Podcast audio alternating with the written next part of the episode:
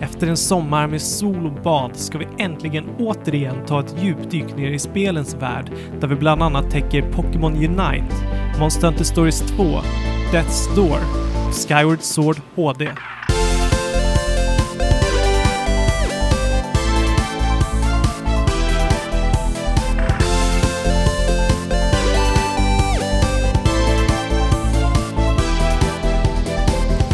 Hål på den rosa flamingon, kasta bort era solkrämer. Nu är det dags att kura ihop sig framför tvn igen. Äntligen är det höst och äntligen är trekraften tillbaka. Äntligen! Mm, äntligen, eller hur? Fabian, du har längtat Som efter väntat. hösten, eller hur? Ja, eh, alltså det är ju alltid härligt när, eh, när sommaren är slut och man inte behöver känna den här pressen att man måste ta tillvara på alla dagar och bara kan fokusera på att spela spel som Mm. Egentligen är det enda. Det enda man vill göra nästan. Livet. Andrew eh, är ju så mycket eh, livsnjutare att han till och med arbetar med spel så att han får ha spel 24-7, eller hur Andrew?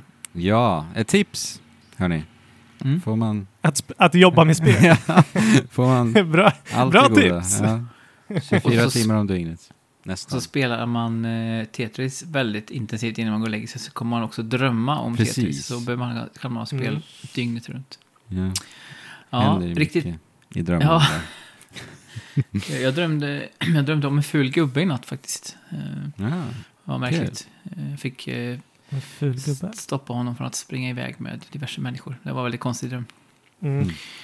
Eh, Men, kära lyssnare, det här är inte en dröm. Det är på riktigt. Trekraften är tillbaka efter den här eh, sommaruppehållet. Oj, oj, Nu är vi tillbaka, ni. För Ja. att stanna. Eh, och vi har ju en hel del godbitar att bjuda på idag, förhoppningsvis. Eller ja, gott och blandat kanske. Mm. Men jag tror det är mest godbitar faktiskt. Jag tror nästan vi får hal halsbrytande bara kasta oss in i eh, våra spelintryck. För vi har samlat på oss en hel del sådana under sommaren, eller hur? Ja, det är Ja, mycket precis. bra att göra det. Ja, kan, kan ni inte bara först innan vi gör det ge en liten kort ögonblicksbild från sommaren och er, ja, er spelsommar helt enkelt. Hur kommer ni minnas spelsommaren 2021 i ett ögonblick? Andrew? Mm. Jag har ju nog varit lite i en spelperiod där jag kanske inte... nu blir det så här deppig ingång här. Men jag har kanske inte njutit så mycket av att vara en spelare på senaste just i, i spelvärlden. Så att jag har inte så här kanske jättenjutit av att ha spelat den här sommaren. Så, så jag kanske kommer minnas det som, jag vet inte, lite mellanmjölkig sådär. Mm. När det kommer till spel. Så. Eh, ja. Över till Fabian, ni kanske lite mer... Fabian, rädda oss. Ja. Ja, eh, nej men jag kommer komma ihåg den här eh, sommaren och semestern som den började. Eh, när jag tog semester så, så hade jag förberett med att göra en fantastisk tonfiskmacka som eh, eh, Andrew hade tipsat om med bland annat hemmagjord pesto eh, och jalapenos och parmesan som var så jäkla god så att första dagen jag hade semester så drog vi badade, sen fixade vi i ordning den här mackan och sen så satte jag igång Skyward Sword HD för första gången. Eh, och bara supermyste resten av kvällen. Och eh, det har ju fortsatt att göra sommaren ut. Mysa i Skyward Sword. Mm. Mycket bra ögonblicksbild. Jag eh, hade ju peppat för Pokémon Unite under ja, flera månader egentligen. Så när det äntligen släpptes så skulle vi eh, åka till svärföräldrarna samtidigt. Och det är ganska bra tillfälle att spela Switch, framförallt på kvällarna. Så, och vi åkte till Hälsingland då, där de bor. Eh, så då hade jag med mig Switchen dit och satt och spelade Pokémon Unite i deras eh, eh, finrum som de har i soffan. Sweet. Medan Hälsingekvällen la sig. Så det var också, ja, det var fint. Eh, och det blir ju också faktiskt en fin brygga att hoppa in i där vi faktiskt har suttit och köttat med i sommar här. Kalkylerat Mhm. Jesper. Ja, jag har en tendens att eh, vara väldigt kalkylerande och beräknande. Och kall skulle de som känner mig väl säga. eh, Framförallt ja, och, kall och hård. Det behöver man ju vara när man spelar Moba-spel. Eh, Vi har ju kört mo- Pokémon Unite eh, dels lite på varsina håll och dels har vi faktiskt spelat eh, i alla fall en session tillsammans. Eh, En svettig eh, kväll. Eh, men Pokémon Unite för er som inte vet, vi kan ju börja den änden kanske. Det är ju alltså ett Moba-spel, det vill säga ett eh, multiplayer online battle arena. Som League of Legends eller Dota eller Heroes of the Storm eller andra valfria titlar. Eh, Alltså, det- det genrenamnet är ju egentligen inte så supertalande för vad spelet faktiskt Nej. är. Nej, precis. Det går ju ut på att, eh, i normalt sett i Moba-spel så går det ut på att eh, man ska förstöra motståndarens bas genom att eh, sakta men säkert eh, äta sig fram genom korridorer och där finns det ju då torn som man ska förstöra och ta sig förbi. Eh, lite, det är ju sprunget ut Tower Defense-genren kanske från början. Mm. Eh, Exakt. och här är det då Pokémons egen twist på det. Eh, så att eh, det är istället eh, matcher där man spelar, ja det beror ju på vilket spelläge det är, men eh, normalt sett i vanligaste spelläget så är det fem mot fem. Och så finns det bara två stycken korridorer då, eller lanes som det heter. Normalt sett brukar det finnas tre. Så det är lite förenklat på det sättet. Eh, och sen är det så att matcherna är nedkortade till 10 minuter. Ja. Eh, normalt sett, en, en League of Legends-match tar ju typ 25 minuter ungefär kanske. Och en Dota-match, ja nu har de ju ändrat tempot, men eh, det kan ju fortfarande ta en 40, 45, 50 minuter. En Dota-match. Och, och det är ju typ en av de största anledningarna till varför jag inte har eh, känt mig manad att hoppa in i Dota eftersom att det är så sjukt tidskrävande och det Mm. känns i alla fall i början som att eh, jag får så lite utav varje match. För Ja. det, det, är ett stort, det är ofta ett stort eh, karaktärsgalleri som Mm. alla har olika synergier och kontringar som liksom är ett helt universum att hoppa in i. Och Mm. det, är, det är ganska matigt. Eh, och det känns som att uppförsbacken är ganska, ganska snäv när man, eh, när man väl är noob. Mm, men du har inte spelat något Moba-spel då riktigt på djupet så? Eller? Nej, eh, alltså jag har försökt börja med Heroes of the Storm. Eh, jag har försökt börja med Dota och jag har försökt börja med LOL. Mm. Men inte, inte närtid så. Nej. Du Randrew, har du någon Moba-erfarenhet sedan tidigare? Nej, i stort sett ingen alls. Jag har ju försökt med, eh, jag tror jag testade League of Legends någon gång. Men jag Mm. fastnade inte alls. Sen testade, man hörde ju mycket då när Heroes of the Storm kom att så här, det här är, ska vara inkörsporten och testa Mm. nu och se om du... Ja, men nej, det funkar inte heller faktiskt alls. Jag spelade det med dig Fabian tror jag, någon gång. Sådär. Mm. Ehm, Någon gång gjorde vi det. ja, Mm. Men f- Eh, men tack och lov så är Pokémon Unite desto lättare att komma in i. Precis, ja men det är ju det. Jag Tack har ju lov. 250 timmar i Dota, vilket ju är så här... eh, Hur fra- många då? sa du? fr- två- 250, men det är ju, men det är ju på riktigt totalt eh, frowned upon. Så här, jaha, du har 250 timmar, men kom tillbaka när du har 2500 timmar, liksom. Som vi andra Ja. elitspelare. Alltså det är ju verkligen inte mycket för att vara Dota, men det är ändå väldigt många timmar i ett spel som jag verkligen inte känner mig... Jag, jag, jag kan typ kanske en eller två karaktärer i det spelet. mm. Eh, och, men jag, jag har spelat massa Heroes of the Storm, jag maxade ju leveln i betan. eh, och jag har spelat ganska mycket League of Legends också.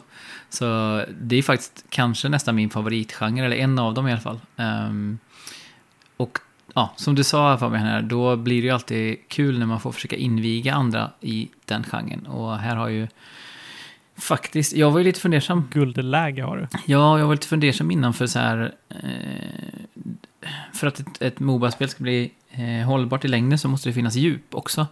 Eh, och hur går det ihop med att göra det tillgängligt och lätt att, eh, att hoppa in i? Och Mm. att det finns pay to win-aspekter i spelet också. Ja, men jag tycker... Ja, den, den, senare kanske är ett kapitel för sig själv, men jag tycker att de har lyckats väldigt bra med balansgången mellan tillgänglighet och Eh, djup. Eh, för jag har ju spelat det här spelet nu i, jag vet inte hur många timmar, men väldigt många timmar redan och har inte tröttnat ännu. Eh, och, men hur upplevde ni då som är nybörjare i genren och nya när ni började spela Pokémon Unite? Ja, alltså jag tycker så, alltså, det är lättillgängligt att hoppa in i och det är eh, de, de matcher jag har spelat har i stort sett eh, liksom varit kul och engagerande. Eh, och jag känner, alltså jag är fortfarande i ett stadie då jag känner att jag lär mig samtidigt som jag testar mig fram lite. Eh, och det är ju alltid kul när, när du gör snabba framsteg liksom. Men Mm. eh, jag, jag, jag, kan inte, jag kan inte kommentera någonting om liksom, de djupare aspekterna som du snackar om här. Mm. Eh, Men jag tycker att så, så länge som jag har spelat och de karaktärer jag har spelat så är det skoj och det är mycket roligare med att spela med folk, Mm. naturligtvis. Också mycket svårare för då får man ju spela mot andra som sitter eh, pre-made så att säga, som sitter och spelar ihop. Och vi märkte ju hur svårighetsgraden pikade rejält när vi spelade tre. Eh, Ja, Vi förlor, förlorade en match med 1030 mot 30. ja.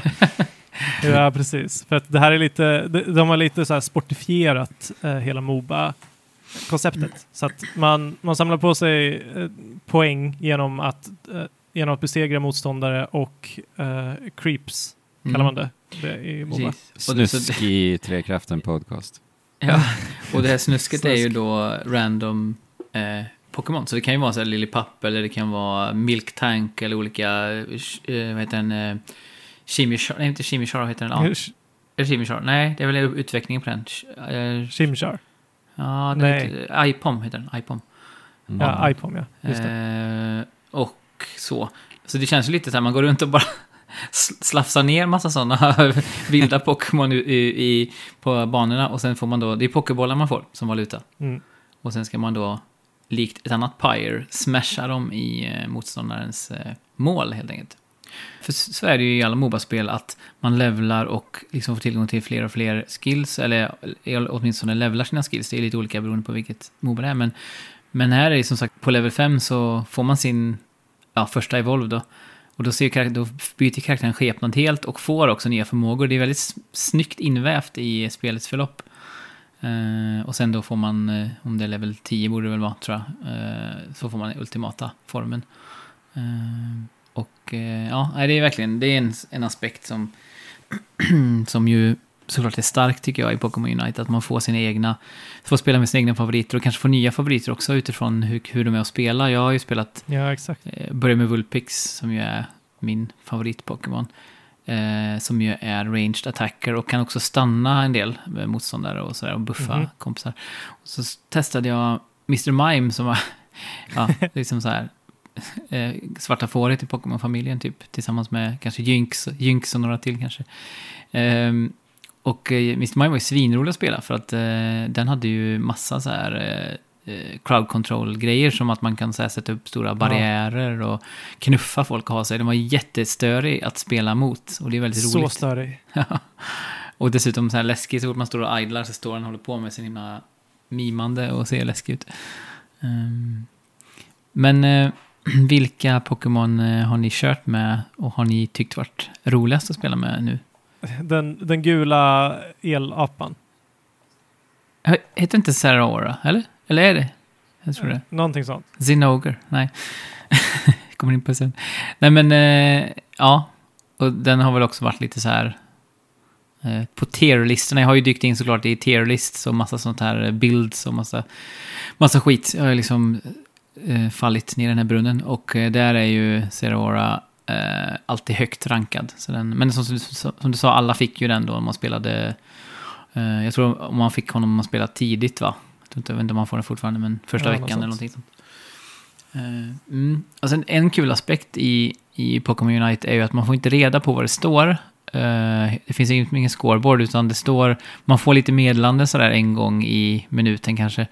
eh, där det står så här, beroende på hur det går. Det sämsta det kan stå är We are really struggling, med really i, kap, i liksom stora bokstäver. ja. Eh, och sen är det liksom då eh, hela vägen till så här It's a tight match eller typ We're in the lead. Eller man får lite så här hints om hur det går. Men eh, det, jag, jag tror att de har gjort så för att man inte ska... Det är ett vanligt problem annars att folk börjar ge upp väldigt, väldigt tidigt i Moba-spel. De känner att det här Mm. kantrar över till motståndarna och så skiter de i det. Men här får man... Det är lite mer luddigt hur det går. Så att man kämpar lite längre in i det sista. Plus att, som sagt, en match är bara tio minuter. Så Precis. det är, inte, det, är inga stora, det är inga stora problem med levers så här långt i alla fall, att folk droppar ur. Mm. Ja, och det, alltså jag tycker om den aspekten för det blir ju också, när, när det är en tight match så blir det lite splatoon över det. Att man så här, vem var det som vann? Vem var det som vann Ja, i slutändan?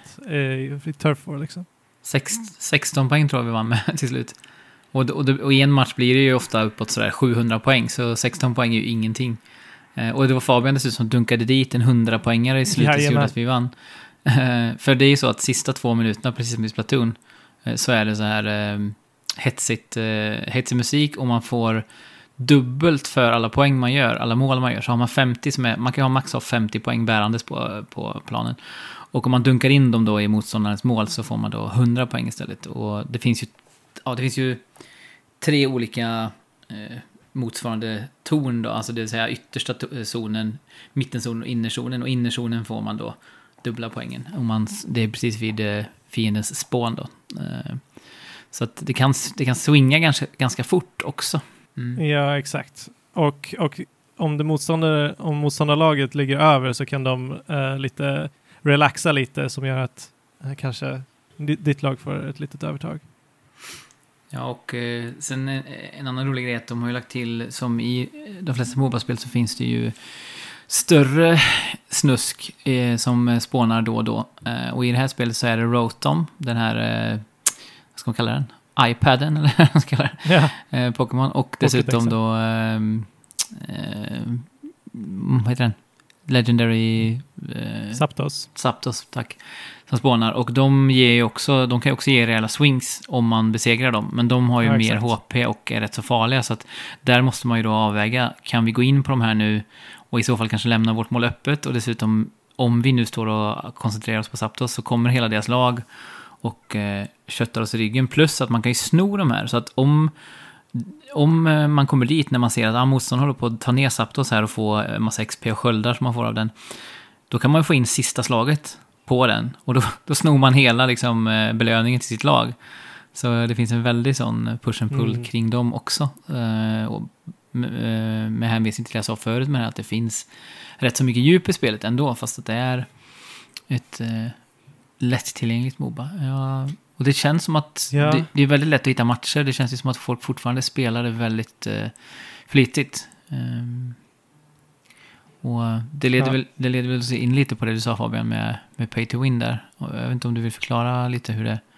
Jag är inte superinsatt när det kommer till pay to win- win-aspekterna, men det känns ju väl, alltså det sämsta aspekten med det här spelet är ju UIT. Det känns verkligen, det är verkligen superplottrigt överallt och det, det känns verkligen som ett free to play, eh, det är free to play för övrigt. Eh, Mm, som, som vilket free to play ehm, mobilspel som, som helst. Det- liksom. Eh, och Ja, med- det, det ska ju komma till mobilt också. Det här är ju ett Switch-spel, fin- men det ska komma det finns ut redan till mobil. till mobil? Nej, Nej, okej. Nej, jag tror inte det kommer kommer september. men- Det, det kommer snart i alla fall. Eh, och Mm. du kan ju spendera riktiga pengar för att få någon sorts in-game-valuta för att uppgradera Tickets. dina, Mm. dina items. För att, för att man, kan, man kan sätta på sina Pokémons olika saker som, som ger olika buffar. Eh, och det är Ja. jättedyrt att liksom, uppgradera de här till max. Eh, jag menar, bara de, de som kan lägga jättemycket pengar får max buffarna. Och sen så, sen så kan du spendera Mm. riktiga pengar för att köpa alla Pokémon och så också. Men, Och eh, något annat jag inte gillar är att det är liksom du får belöningar överallt, hela tiden, oavsett vad du gör. Det känns jätte eh, snuskigt. Vad tänkte du säga om Peter Win? Nej, jag skulle säga att eh, man kan ju ta sig till level 20 på itemsen ganska bekvämt eh, ändå. Men max level är 30 och dit, alltså mellan 20 och 30 är det extremt långsamt. Eh, och det är svårt att avgöra liksom hur mycket, hur mycket det påverkar. Men det är ju i alla fall en faktisk, för det är ju så här typ, det, kan ju, det, är, det är flera procents attack speed till exempel som man kan få extra Ja, exakt. om man har maxat Och det. eftersom att det här spelet är så, det är så avgörande hur väl du presterar i början och levlar dina Pokémon eh, så, så kan du få en kaskadeffekt liksom, genom hela, Mm, hela matchen, eh, tänker jag. Och mm. Eh, för att liksom, om du är level 13 och level 15 så, så det är en enorm skillnad eh, liksom, Mm. Mellan dem. Så att det är nästan En- omöjligt att, att slå någon som är eh, två level högre än vad du är. Mm.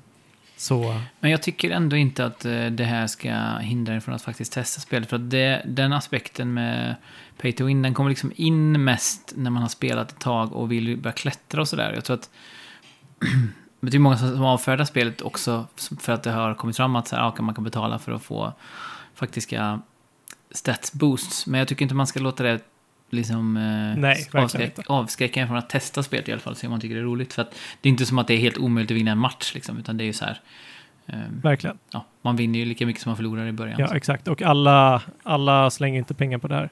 Eh, den största majoriteten lär ju inte göra det efter, just eftersom att det är free to play. Eh, men Nej. eh, Jag har bara lagt en 50-lapp. Där ser man. Ehm, men eh, det, det verkar vara väldesignat, liksom, spelet i sig. Eh, det är kul. Eh, jag kommer ju behöva dig, Jesper, som coach för att, för att jag ska eh, bli motiverad nog att sätta mig in i det här ännu mer. Mm. Vi ska köra eh, 16 Weeks of Hell i Pokémon Unite, tänker jag. Let's go. Och eh, Oj, jag har ju oj, också oj. några jag har också några timmar att eh, ta igen eh, på alla timmar som ni två har coachat mig i Monster Hunter Rise. Just det. Payback time. Eh, precis, men eh, nu har vi faktiskt också, vi kanske hinner spela en del Pokémon Unite ihop, men på tal om Monster Hunter så finns det ju ett annat Monster Hunter-spel som eh, vi slash ni slash någon av er har spelat.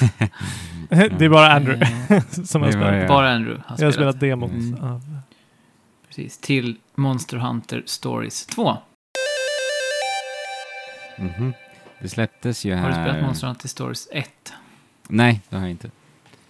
Det gjorde jag inte. Men det Jag gjorde gjorde Fabian däremot. Mm, Ja, exakt. eh, jag sa att det var det bästa Pokémon-spelet som inte var Pokémon. Mm, just det. Ja. Men vad sa du Andrew? Eh, Monster Hunter Stories 2 släpptes? Nej, men under semestern nu gjorde det ju. Som var Mm. här. Eh, och jag velade ju ganska rejält ehm, fram och tillbaka där om jag skulle sätta tänderna i det eller inte. För att, ja, det var verkligen, ja, verkligen veling. Veling där. ja. Jag ville ju på förhand jättemycket spela det. Jag tyckte att det såg eh, väldigt trevligt ut. Och det är såklart jätte, jättemycket på grund utav att det är Monster Hunter. Det Eh, ser ju förstås. väldigt trevligt ut. Ja. Det Och sen spelade- Eh. Gulliga lilla... Ja, Ja, yes. Gulliga lilla, ja. Det, det gulliga lilla syskonet eh, om man eh, jämför med eh, mainline Monster Hunter-spelen. Mm. Precis. Eh, Fabian, du spelade demot sen och eh, kom ut väldigt ljummen ur det. Eh, och var det färgade ju alls- av...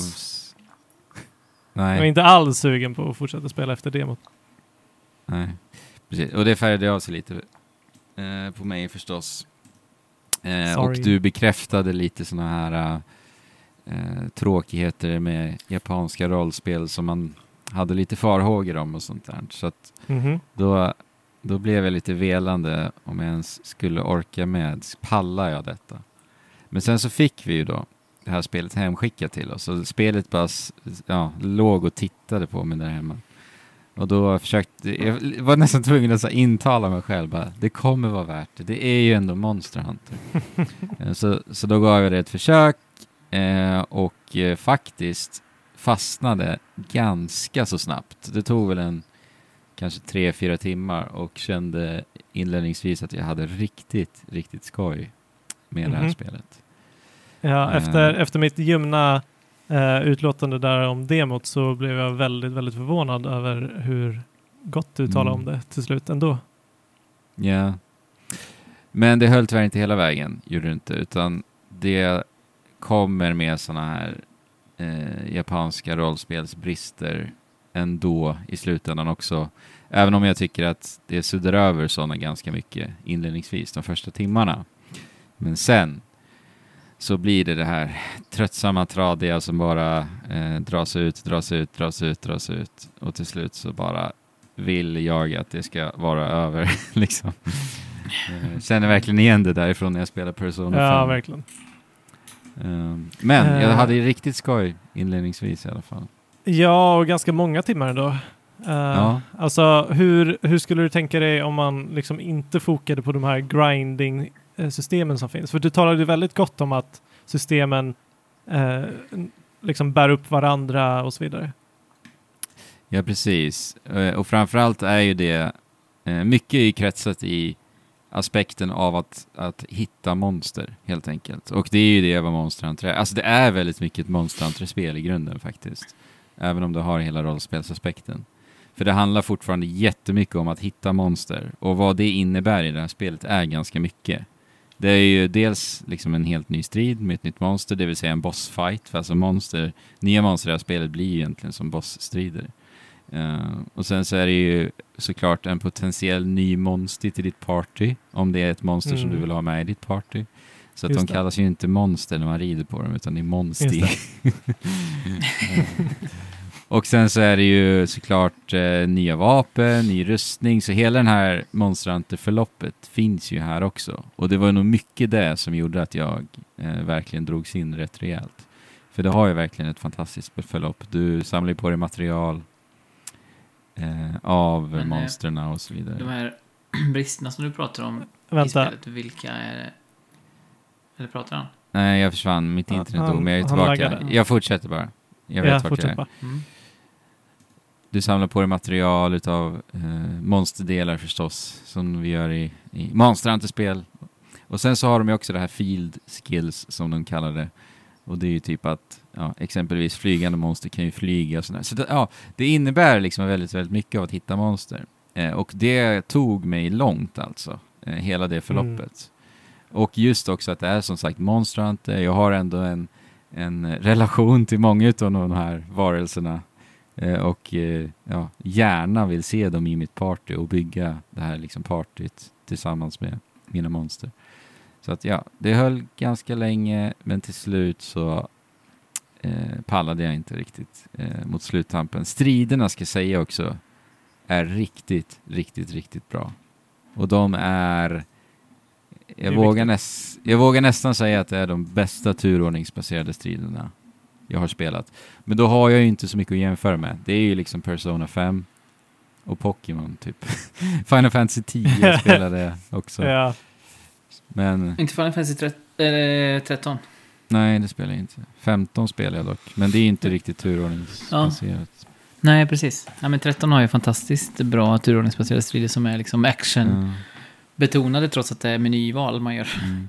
Ja, det här är ju verkligen rena nyval också i stories. Men det är coolt alltså för att som sagt det är ju Monster Hunter och jag tycker att de har gjort ett riktigt bra jobb med att väva in vad Monster Hunter är i alla system i spelet. Så vi har ju till exempel eh, att vi eh, slår av svansar och eh, spräcker eh, skallen på stackarna eller eh, skivar av horn och så vidare. Eh, och det har de liksom väldigt snyggt invävt i eh, striderna så att till exempel har vi en hammare också, så vi har tre olika vapenklasser. Vi har hammare eh, som då är det här blantvapnet som då tar Mhm. mer skada på eh, specifika monsterdelar och så vidare. Eh, sen så har vi vassa vapen i form av Great Sword, Sword and Shield. Eh, sen har vi spetsiga vapen i form av pilbåge och eh, en gunlance faktiskt. Och sen hunting horn som är den andra blantvapnet. Så att ja, det är mycket system och sen så är det i grunden så här lite sten, sax, påse system. Så att alla dina eh, monster har då olika, eh, de är indelade i olika kategorier. Och sten, sax, påse, i sten, sax, påse kategorier. Så det är attack type, det är speed type och det är technical type. Just det. Eh, och det är ju så här supersimpelt. Så fort du lär dig att ett monster gör en eh, power type attack, ja då vet du liksom, ja men då kontrar jag med en speed. Eh, och då kommer jag eh, ta mig vidare i striden och inte bli överrumplad. Men det har så mycket under ytan i och med det. Eh, att typ, gör du det Okej. tillsammans med ditt monster så kommer ni åt ytterligare eh, fördelar i striden. Ni laddar på er en supermät, alltså det finns så mycket som, som vrids och vänds på eh, under ytan och det gör att det blir strider där man tänker väldigt många steg fram och du tänker inte bara på vad du gör här Ja. och nu. Det är inte som Pokémon. Nej, nej, nej. nej. Eh, eh, nej, men det är ju ett bra, gott betyg att det är ett strategiskt system som får dig att Mm. tänka. Och sen är ju längre. monst- monstren är ju så, så, de är ju såklart så väl animerade också så att du kan ju typ nästan så här se vilken typ av attack de gör. Och sen har jag såklart lite vetskap om de här monstren. Så jag kan ju nästan gissa, ja men det här är ju en power type förstås, det här monstret. Av den erfarenheten jag har ifrån, Ja, från Monster Hunter också. och, och det måste ju liksom genom, genomgående i spelet gett en extra morot att du så här, gissar rätt på det Ja, verkligen. Använder tidigare kunskap och applicerar här liksom. Och det funkar också, det är det som är så tillfredsställande. Ja, nice. Hur många monster eh, finns Oj. det i spelet? Det är många alltså. Jag, jag har inte Mm. ens sett allihopa, för det finns ett ganska robust endgame som jag inte har utforskat och kommer inte göra. Men det finns många. Men Säkert får jag frå- över hundra. Får jag bara fråga vad det Mm. var som, liksom, var gick det snett? Eller var Mm. blev det utnött? Var tappade du intresset? Ja men det är nog mycket i så här, utanför striderna så är det fruktansvärt tråkigt alltså. Och det är ju Ja. liksom jätteklassiskt japanska rollspel. Ni vet, ja, ni ska utforska världen sägs det ju. Men, ja. men du går liksom i extremt platta miljöer från punkt A till punkt B och sen typ interagerar du med lite objekt för att plocka upp material. Och sen är Och- det det. Och dessutom så är spelkänslan när du är ute i världen horribel. Ja, Eh, liksom, det känns eh, som att de, de inte reagerar riktigt på var du går ens och sen så de här eh, förmågorna som monstren kan använda ute i världen eh, känns bara B på något sätt. Liksom. Ja. Och det, det blir ganska stark kontrast mellan liksom, vissa saker som är väldigt väldesignade mot Exakt. det här som, som är ganska fult och mm. dåligt. Ja men det är som att de bara, Gjort. ja vi gör ett jätterobust och riktigt bra stridssystem, sen bara just det, de ska ju hålla på att röra sig i världen också. Så Ja. bara, hur tusan löser vi det? Men det, är- ja, det är riktigt så här, nivådesignen är ju verkligen vedervärdig alltså. För det är ju, de återanvänder ju system, alltså grottsystem i Ja. olika biomer. Ah, Så att det alltså, är, det är så, det är så artificiellt så det finns inte. Ja, verkligen. Alltså, de kanske bara skulle ha skippat hela, hela liksom open world JRPG-aspekten och gjort någonting, någonting, Ja. någonting eget av det. Precis. På något sätt. Ja, Ja, right. men det var det. Storyn är ju så här, ugh, Ja, monster anime. är galna. Okej. Ställ... Hitta orsaken. Jag tror de kallar, Ja. kallar de galna monstren för Rage Raid Monsters. Ja. Rage Raid Monster. Bra. Ja. Det är alltid en, eh, en glädjekälla i alla fall när man spelar Monster Hunter-spel. Att se alla termer som ja. alltid är lika krångliga och roliga. Ja, men eh, Var det så att du i slutändan blev uttråkad till döds? Ja. Andrew? Och det är så synd för att... Kom det då en kråka och skulle ta din själ? När du var på dödens rand? Ja, det kanske gjorde det nu när jag tänker tillbaka. Hur jag kände där. Så har de en Men in Black när de säger åh shit, han dör inte. Mm. Precis. Exakt så Fabian. det här låter ju som ett annat spel för mig. Det låter inte som Monster Hunter Stories 2. Det låter mer som Death's Door, måste jag säga. Nej men visst tusan är det så va? Så är det. Just det. Det var det du tänkte på. det, det här spelet eh, har jag velat spela, eh, men inte gjort. Och nu får jag då domen om jag bör lägga min dyrbara, surt förvärvade tid. Jag vet inte, förvärvar man tid? Uh, investerade. Begränsade tid.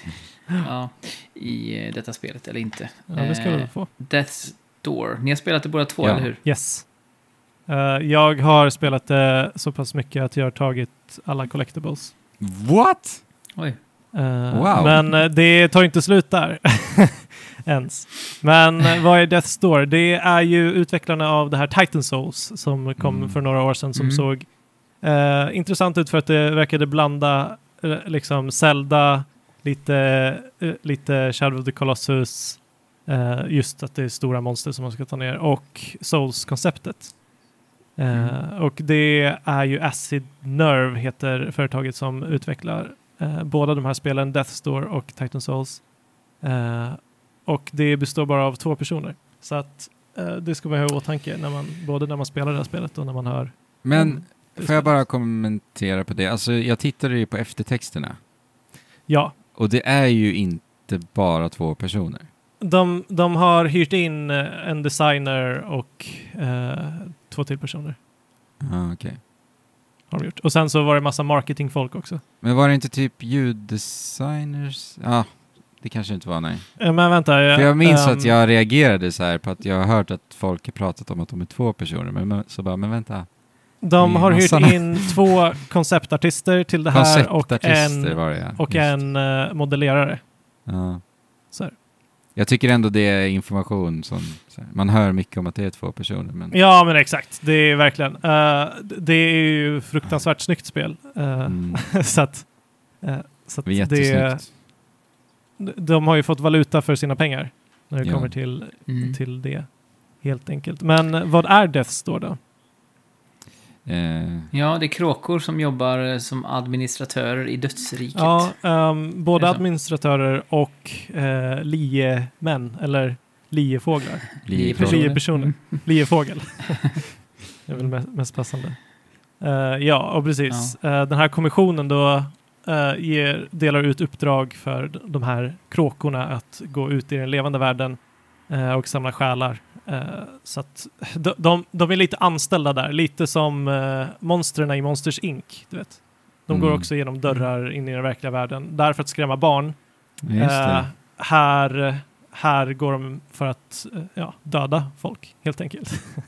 Eller, Mm. de, de, de ska erhålla själarna av folk som, som liksom inte har någon tid kvar i den levande världen. Men när vi börjar det här spelet så verkar inte allt vara som det bör och eh, själar liksom, i den verkliga världen överlag verkar vara en bristvara. Mm. Så att den kråka som vi spelar, eh, han får ett uppdrag och så går vi och, och dräper ett monster som har en jättestor själ. Eh, och precis innan vi ska ta den så stjäls våran själ, det som är våran uppdrag, eh, av en, eh, en Kråka? mystisk skepnad. och det visar sig att det är en annan kråka som är Ja. väldigt, väldigt gammal. Um, Mm. Och den här gamla kråkan förklarar att han eller hon redan har offrat den till dödens dörr. För att, för att den här gamla kråkan behöver öppna dödens dörr för att eh, dennes uppdrag finns där inne. för, att, för att långt till, tillbaka i tiden så, eh, så fick den gamla kråkan ett uppdrag precis som vi, eh, men den åkte igenom dödens dörr.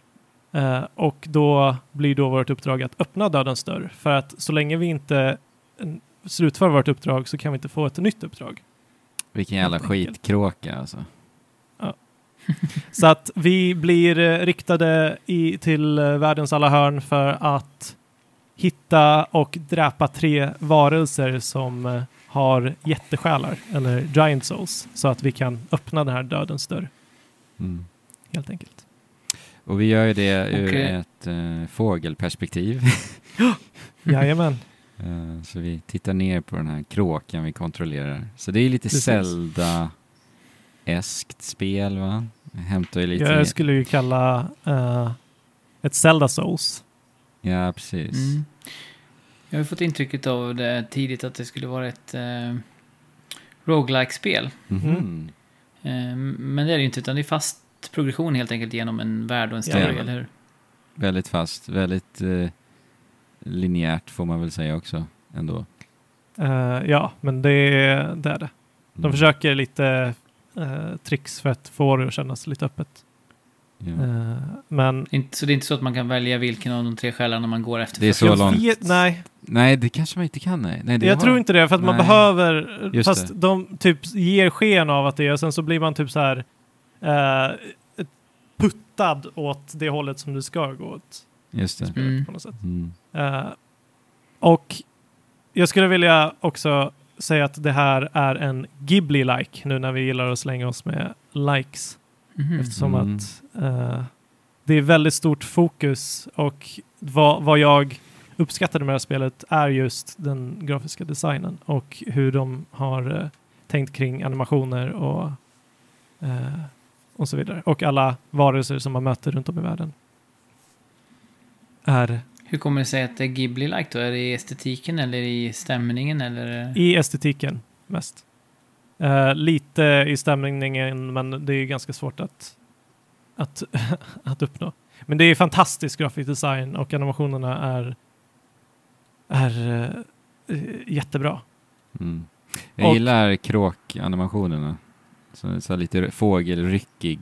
Ja, underbart. Mm. eh, bland annat. Och sen så har vi en boss, du vet häxan Mm. i krukor, krukhäxan, Ja, är, är underbar också. verkligen. Ehm, och inledningsvis så, jag älskade det här spelet i början. Jag tänkte, alltså det känns superbra att kontrollera. Eh, de, har, de har fått till en eh, ganska bra sammankopplad level design, liksom lite som Dark Souls-spelen har, att man kommer tillbaka eh, inledningsvis. Så känns det så, som att det är liksom dit de siktar. Eh, och som sagt, atmosfären är härlig, settingen är cool och ny och fantasifull. Eh, och varelser du träffar runt om i världen är väldigt varierade eh, Mm. och intressanta. Ja, det är ju extremt polerat spel. Alltså, det känns riktigt snappy och så här. Spelkänslan är verkligen typ ultimat för vad spelet är. Alltså. Ja, Ja, jag, jag, jag bara ska ställa en fråga just för att eh, den, lite kritik jag har hört mot spelet eh, är att eh, striderna är lite grunda. Ja, Att det känns Ja. bra att kontrollera men att Ja. striderna blir repetitiva. ja. Så är det. Mm, det. men Mm. alltså vi, vi ska ju höja upp det tillräckligt bra och beskriva det lite. Alltså när du, bara när du träffar med en attack så känns det hur bra som helst. När du laddar Mm. upp pilbågen eller en magisk attack eh, och släpper loss den, alltså eh, screen shakes och Ja. eh, liksom responser du får är on point. ja, det är så bra. Mm. Det är hur bra som helst. Eh, men eftersom att eh, liksom det här sättet att spela till sin natur eh, är lite eh, liksom det, det är väldigt mycket Zelda över det även om det känns mycket bättre än ett eh, traditionellt 2D Zelda-spel. Eh, I liksom hur du utför sakerna så, så liksom de tar inte så långt. De tar inte så mycket längre än, Nej, än så. Mm. nej, Rent Jag vet, vad två du gör. Zelda-strider är inte heller uh, jätteintressanta. nej, precis. Även Nej. om, eh, eh, även om eh, A Link Between Worlds ju alltså tar några kliv där ändå, Ja. tycker jag. Alltså jämför med Link to the Men Past. grejen med Zelda är att det är, liksom, det är inte ett actionspel i första hand. Det här försöker vara mer ett actionspel. Det, det handlar Mm. ju trots allt om, lite som i Souls-spelen, att liksom, du får Souls av fiender som du eh, som du besegrar. Och Men sen de då? Har lagt, de, har, de har lagt mycket omsorg på eh, de bossarna som man möter. Liksom. Och vissa Ja. bossstrider tycker jag är jättebra. Eh, Ja. men, men generellt så liksom håller det inte hela vägen. Och jag menar, det, det är inte bara... Striderna är ju fortfarande bra, eh, men det, det kanske är lite för tunt för liksom hela sp- spelets scope. Eh, och det som gör att det blir uttråkande är att liksom hela spelförloppet roterar på ett sätt som liksom direkt blir genomskinligt. Ja. Eh, och eh, i och med det så, så eh, känns alla saker som ska vara överraskningar väldigt mekaniska. Eh, eller de, de blir Mm. helt enkelt inte överraskningar.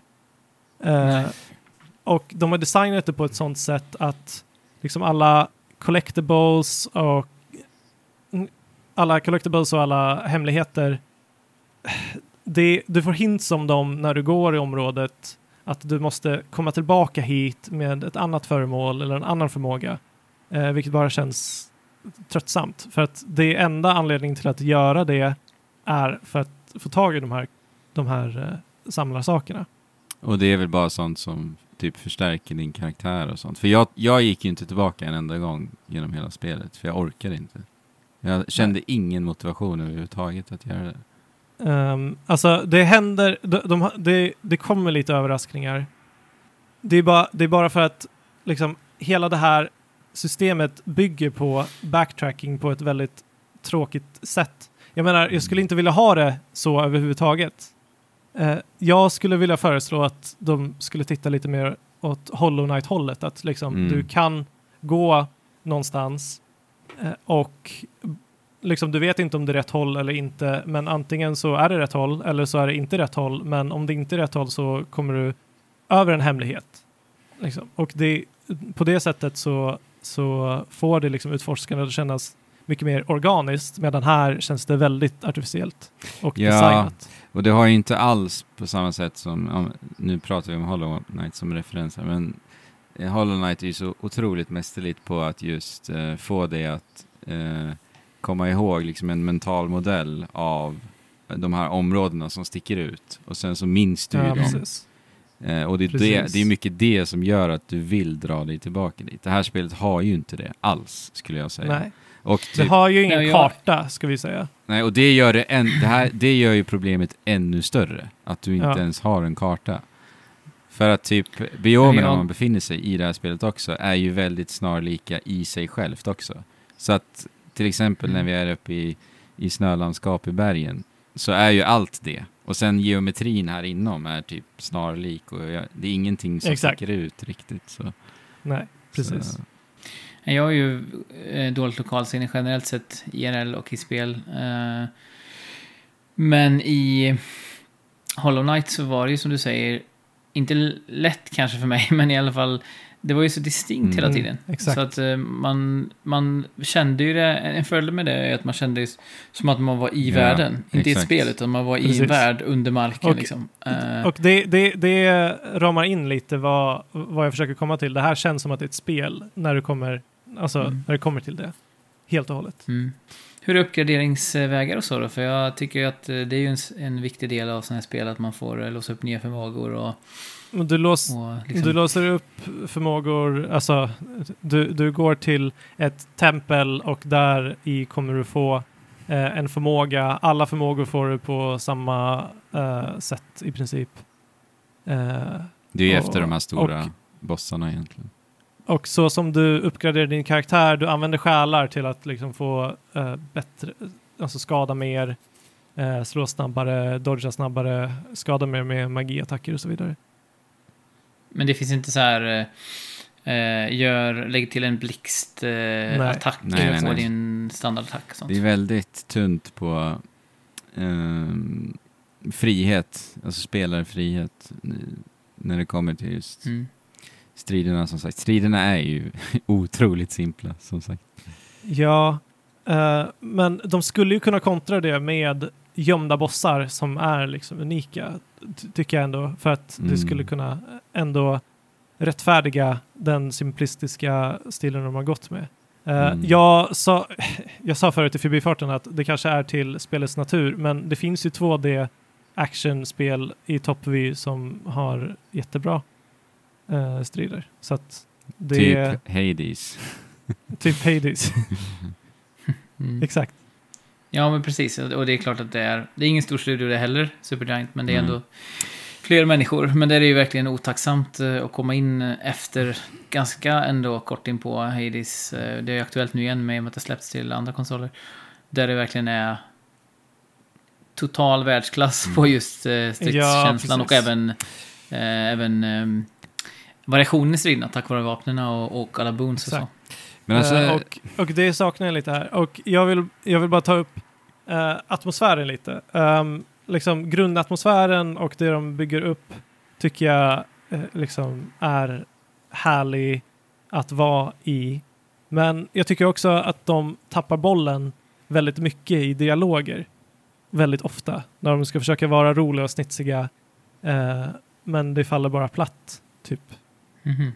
ja, det var några gånger jag Jätteofta. tänkte faktiskt på att jag hade typ önskat att inte ens dialoger existerade. Ja, eller hur? Det, kanske, det hade nog varit Mm. kunnat bli me- mer intressant. Spe- särskilt med som sagt animationsarbetet som vi ändå ser också. Exakt. Ja, jag vet inte. Ja, jag vet inte heller. Alltså, jag, jag tycker att spelet är bra. Det är ett jättesolitt spel alltså. Hade jag varit, eh, eh, ja, du och jag Jesper, hade vi knåpat ihop det här? Jag hade ju varit stolt alltså. Mm. Ja, Ja. Men, jag blir lite så här, jag vet inte om jag låter jättehård nu, men varför gör de det här spelet? alltså, det finns ingen innovation. Det är nej. det är som att Exakt. de har tagit idéer ifrån en herrans massa, eller egentligen inte en herrans massa, men de här Nej, spelen vi några. har nämnt. Och sen så har de bara gjort det. Ja, exakt. Och sen, alltså, det, det är ett Zelda Souls som har lite för lite av både Zelda och Souls DNA och de fyller inte tomrummet med egna idéer.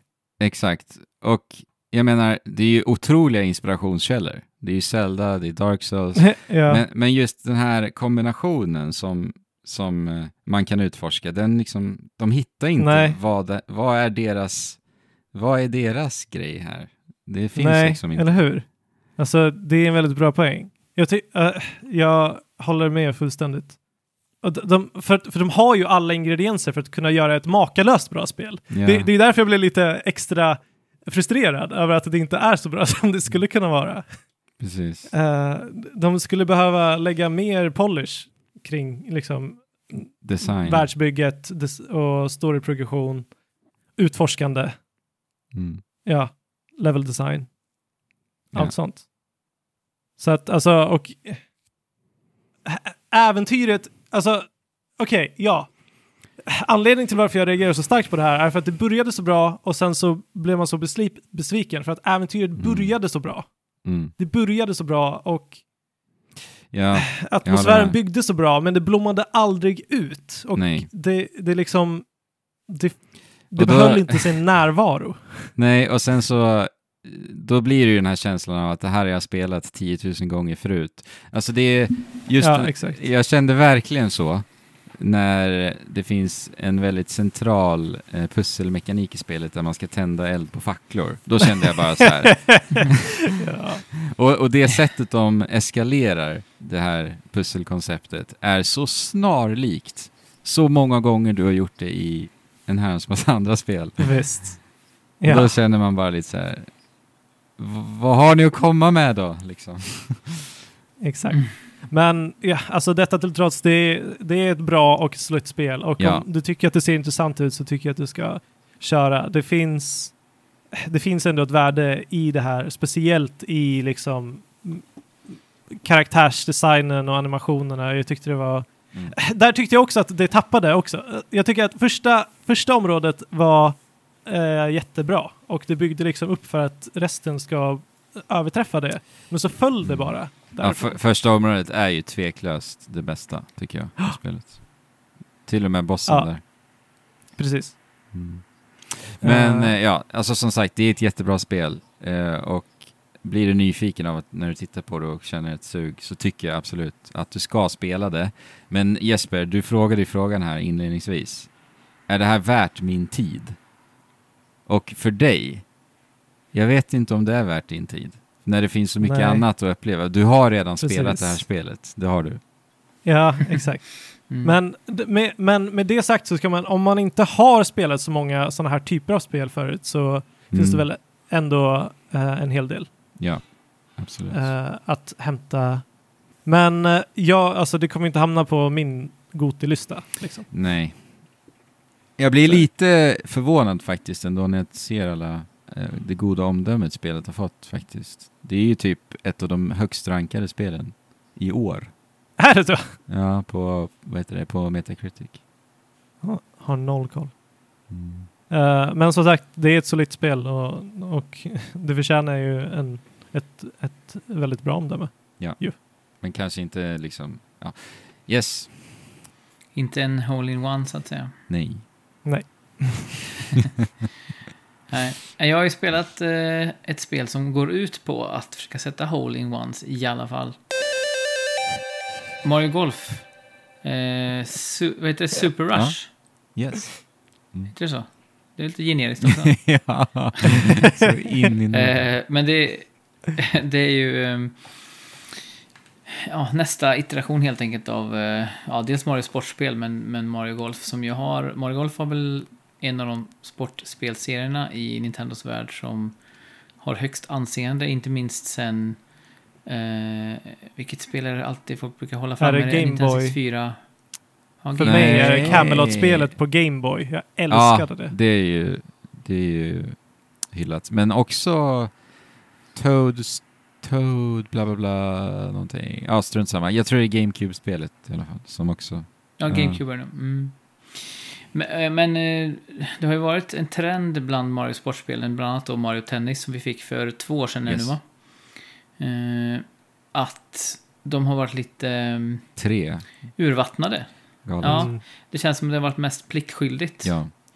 Eh, och Mario Golf dras väl lite granna med det här eh, också. Att det är liksom ett gediget spel. Eh, men det finns inget så här som får den att riktigt tända till. Alltså, jag spelade till exempel eh, Mario Striker-spelen, fotbollsspelen. Eh, och första gången jag spelade det så tyckte jag det var... Då var det lite så här kittlande och det fanns, det fanns nya kul idéer. Här känns det lite som att man lagt till det här rush-läget. Eh, som ju är då att man helt enkelt ska springa så snabbt man kan till sin Just boll. det. Och däremellan kan man då använda power-ups och knuffa på varandra och sådär. Och, och, Speed golf. och det är ganska kul Så för het- Ja. Ja, precis. För där finns... eh, Det, då är det ju dels att man ska komma snabbt in i mål, men också att eh, antalet slag räknas. Så det gäller att avväga liksom att bara hafsa iväg slagen eller att sikta lite noggrannare och ta lite längre tid på sig. Alltså konceptuellt så låter Eh. det som en, en fantastisk tv-spelsadaption av golf. ja, Ja, och det, det har varit kul med barnen. Alltså, det här spelet har jag kunnat spela med, det ska man säga, det är ett, eh, som många Nintendo-spel, lättillgängligt spel förstås. Men man kan ställa in då om man vill svinga med motion controls eller med knapparna. Eh, och båda har funkat för barnen, för att det är också ganska mycket guidesystem om man väljer att ha det på. Eh, så att det här har varit roligt, men problemet är väl att det snabbt eh, Inte är, roligt. det, nej, precis, det bleknar ganska Ja. snabbt. Okej, nu har vi kört det här några gånger, liksom. nu, nu kan vi det här. För det är samma sak där, att det är inget fel på det, på det spelläget heller. Alltså det, det är liksom hyfsat gediget, men det finns ingen riktig omf i det. Alltså attackerna man gör mot varandra, ja, det är lite så här, man, man stannar till någon halv sekund och sen kan man fortsätta springa. Det finns liksom ingen riktig... Inget party. Det skulle kunna bli så mycket... Nej, det skulle kunna bli så mycket mer. Alltså man hade kunnat göra en hinderbana på banorna som man hade behövt ta sig runt. Nu är det liksom väldigt sådär... eh, Ganska stelt liksom. Eh, Det är ju verkligen inte fokus på eh, hinderdelen i det, utan det är ju verkligen det rigida golfaktiga. Ni vet, Mm. man siktar, siktar lite Ja. åt höger, ja, byter klubba. Det är samma känsla i eh, när man springer på banorna nästan. Mm. Eh, så det känns som att de har liksom inte gått in...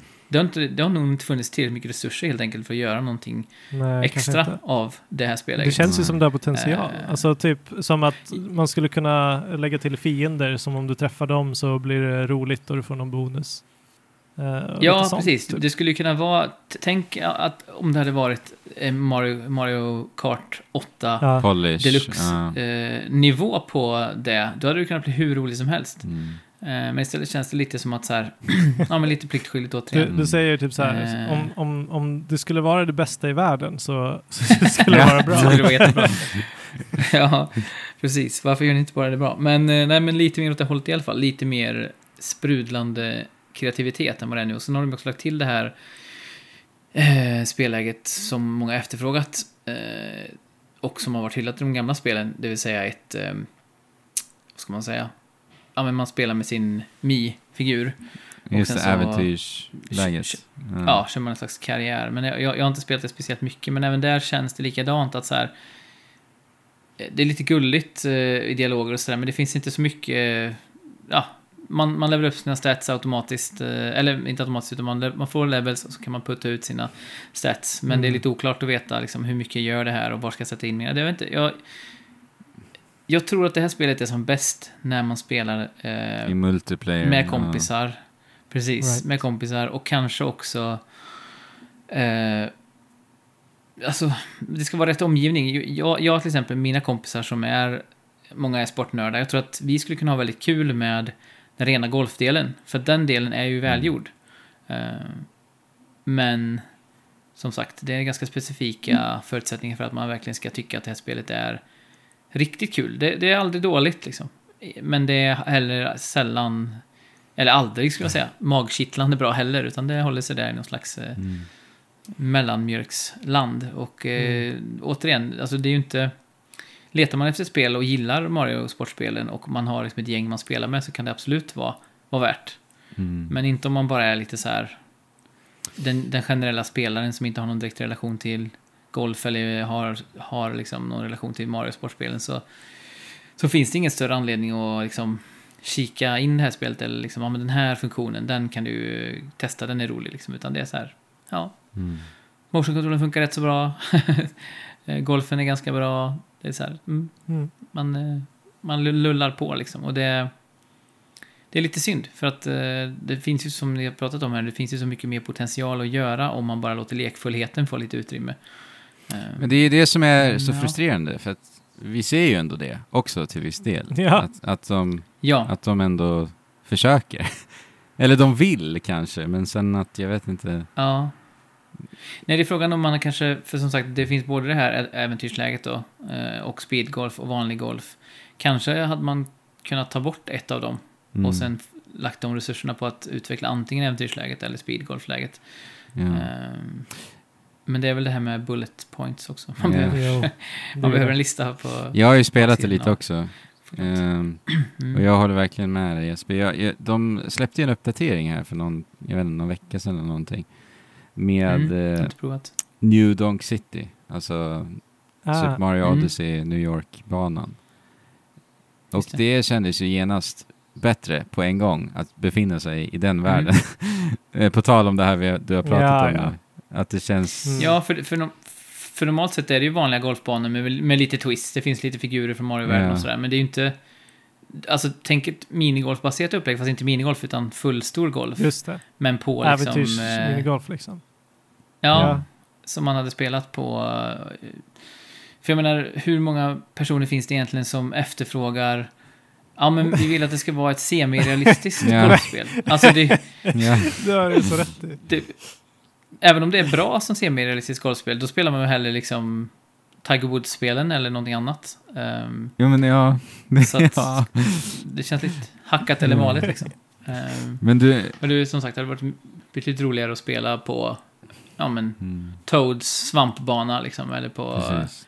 Peach slott med vallgrav och sådär. Kan, Så det- svamparna är lite bouncy och studsar bollen. Ja. Ja. exakt. Det är ju så Ja. så och, går lite igen åt, åt det ni pratade om tidigare här med Death Store, att man känner liksom frustration för att det kommer en bit och man ser så tydligt hur det hade kunnat komma hela vägen fram, men de liksom lyckas inte riktigt eh, få det dit. Men nu Donk City var ju lite Eh. småkul för att det är ju Mm. liksom ganska s- snäva korridorer eh, mellan alla skyskrapor och sånt där. Och då Aha. kan du ju Mm. utnyttja eh, ytorna på skyskraporna för att låta bollen studsa och så vidare. Och det, kunde man ha Mm. det lite i åtanke. Det var lite småkul. Mm. Men ja. Ja, om alla banor var liksom så. Mm. Hade tänkta, liksom, ja. Tänk vad kul det hade varit, nu kommer jag på massa så här what if-scenario, men tänk vad kul det hade varit om man hade tagit så här alla Mario-spel eller mainline Mario-spel eller någonting och så tar vi en bana för varje och försöker vi anpassa det Till till, golfen. en golfbana. Eh, skulle ju varit jätte, kunnat bli jättekul och, och just det här ja, sprudlande som man upplever i många andra Mario-spel. Eh, att man, att man liksom nästan känner spänning inför och vad ska nästa Ja, bana men bli exakt. och hur, ska- hur ska den mekaniken vara. Och, Ja, En ny bana i Mario Kart är ju fantastiskt. Liksom. ja, men Ja, precis. Eller ett Galaxy-bana där bollen inte har någon gravitation. Ja. Ja. Eller, ja. Ja, det, ja. Ja. Untapped potential. ja, anställ oss tills nästa Mario Golf-spel så ska vi så kommer vi till er Nintendo styr upp lite. Och, Och styr lite upp till luften kanske. ja, jag skulle precis säga det. Gör om, gör rätt eh, lite pratar vi om Mm. här. Och det är väl lite det Nintendo har försökt göra eh, med, med just det du sa, styr upp i luften, Zelda-spelet som det kallas i folkmun. Eh, också känt som Skyward Sword och då i HD-utförande här. Eh, som vi alla har eh, köpt slash fått. Jag har ju köpt spelet och spelat hela 20 minuter kanske inledningsvis. Eh, jag har träffat Zelda första gången. Men eh, ni har ju spelat desto längre Eh, jag, Skyward. Jag har Eh. spelat längre Jesper. Jag tror jag har spelat kanske 30 minuter då. Ja. men, Fa- men Fabian har ju spelat eh, klart ja, spelet, eller eh, hur? jag har spelat Mm. eh, hela spelet och gjort alla sidequests. Uh, Mm. sidequest-semester. Ja, Jajamän! det, alltså det har varit så skönt att bara helt kravlöst spela spel överlag. Eh, Mm. Och speciellt ett spel som Skyward Sword. Eh, och det är lite de premisserna jag börjar spela det här spelet och slutar spela det här spelet på också. Att så här, jag spelar bara för att jag vill och bara för att det är mysigt. Det får ta hur lång tid, eh, så lång tid det tar liksom. Ja, men och, för du har inte klarat av Skyward Sword jo, tidigare? det har jag. Du har Yes. Eh, När det När det släpptes. släpptes så klarade jag av det. Eh, och Mm, för jag spelade kanske halva spelet eller någonting sånt innan jag, innan jag gav upp. Det, ja. ehm, första spelet kommer jag ihåg som att alltså, jag tyckte det var jättebra i sina stunder. Eh, men det, det har ju fortfarande samma fantastiska musik, samma fantastiska eh, grafiska inriktning och de eh, vissa, vissa tempel här är, är bland seriens bästa. Eh, om du frågar mig. Men Mm. men det, kom, det, det kommer med lite hiccups här, här och var. Eller det kom med lite hiccups här och var. Och det var framförallt... Jag, jag kommer inte ihåg exakt vad jag tyckte då, men någonting som folk har pekat ut var just pacingen och att Fi alltid eh, hoppade upp och berättade för dig exakt hur du skulle göra grejer, vilket eh, naturligtvis inte låter så kul. Men här har de gjort lite uppgraderingar.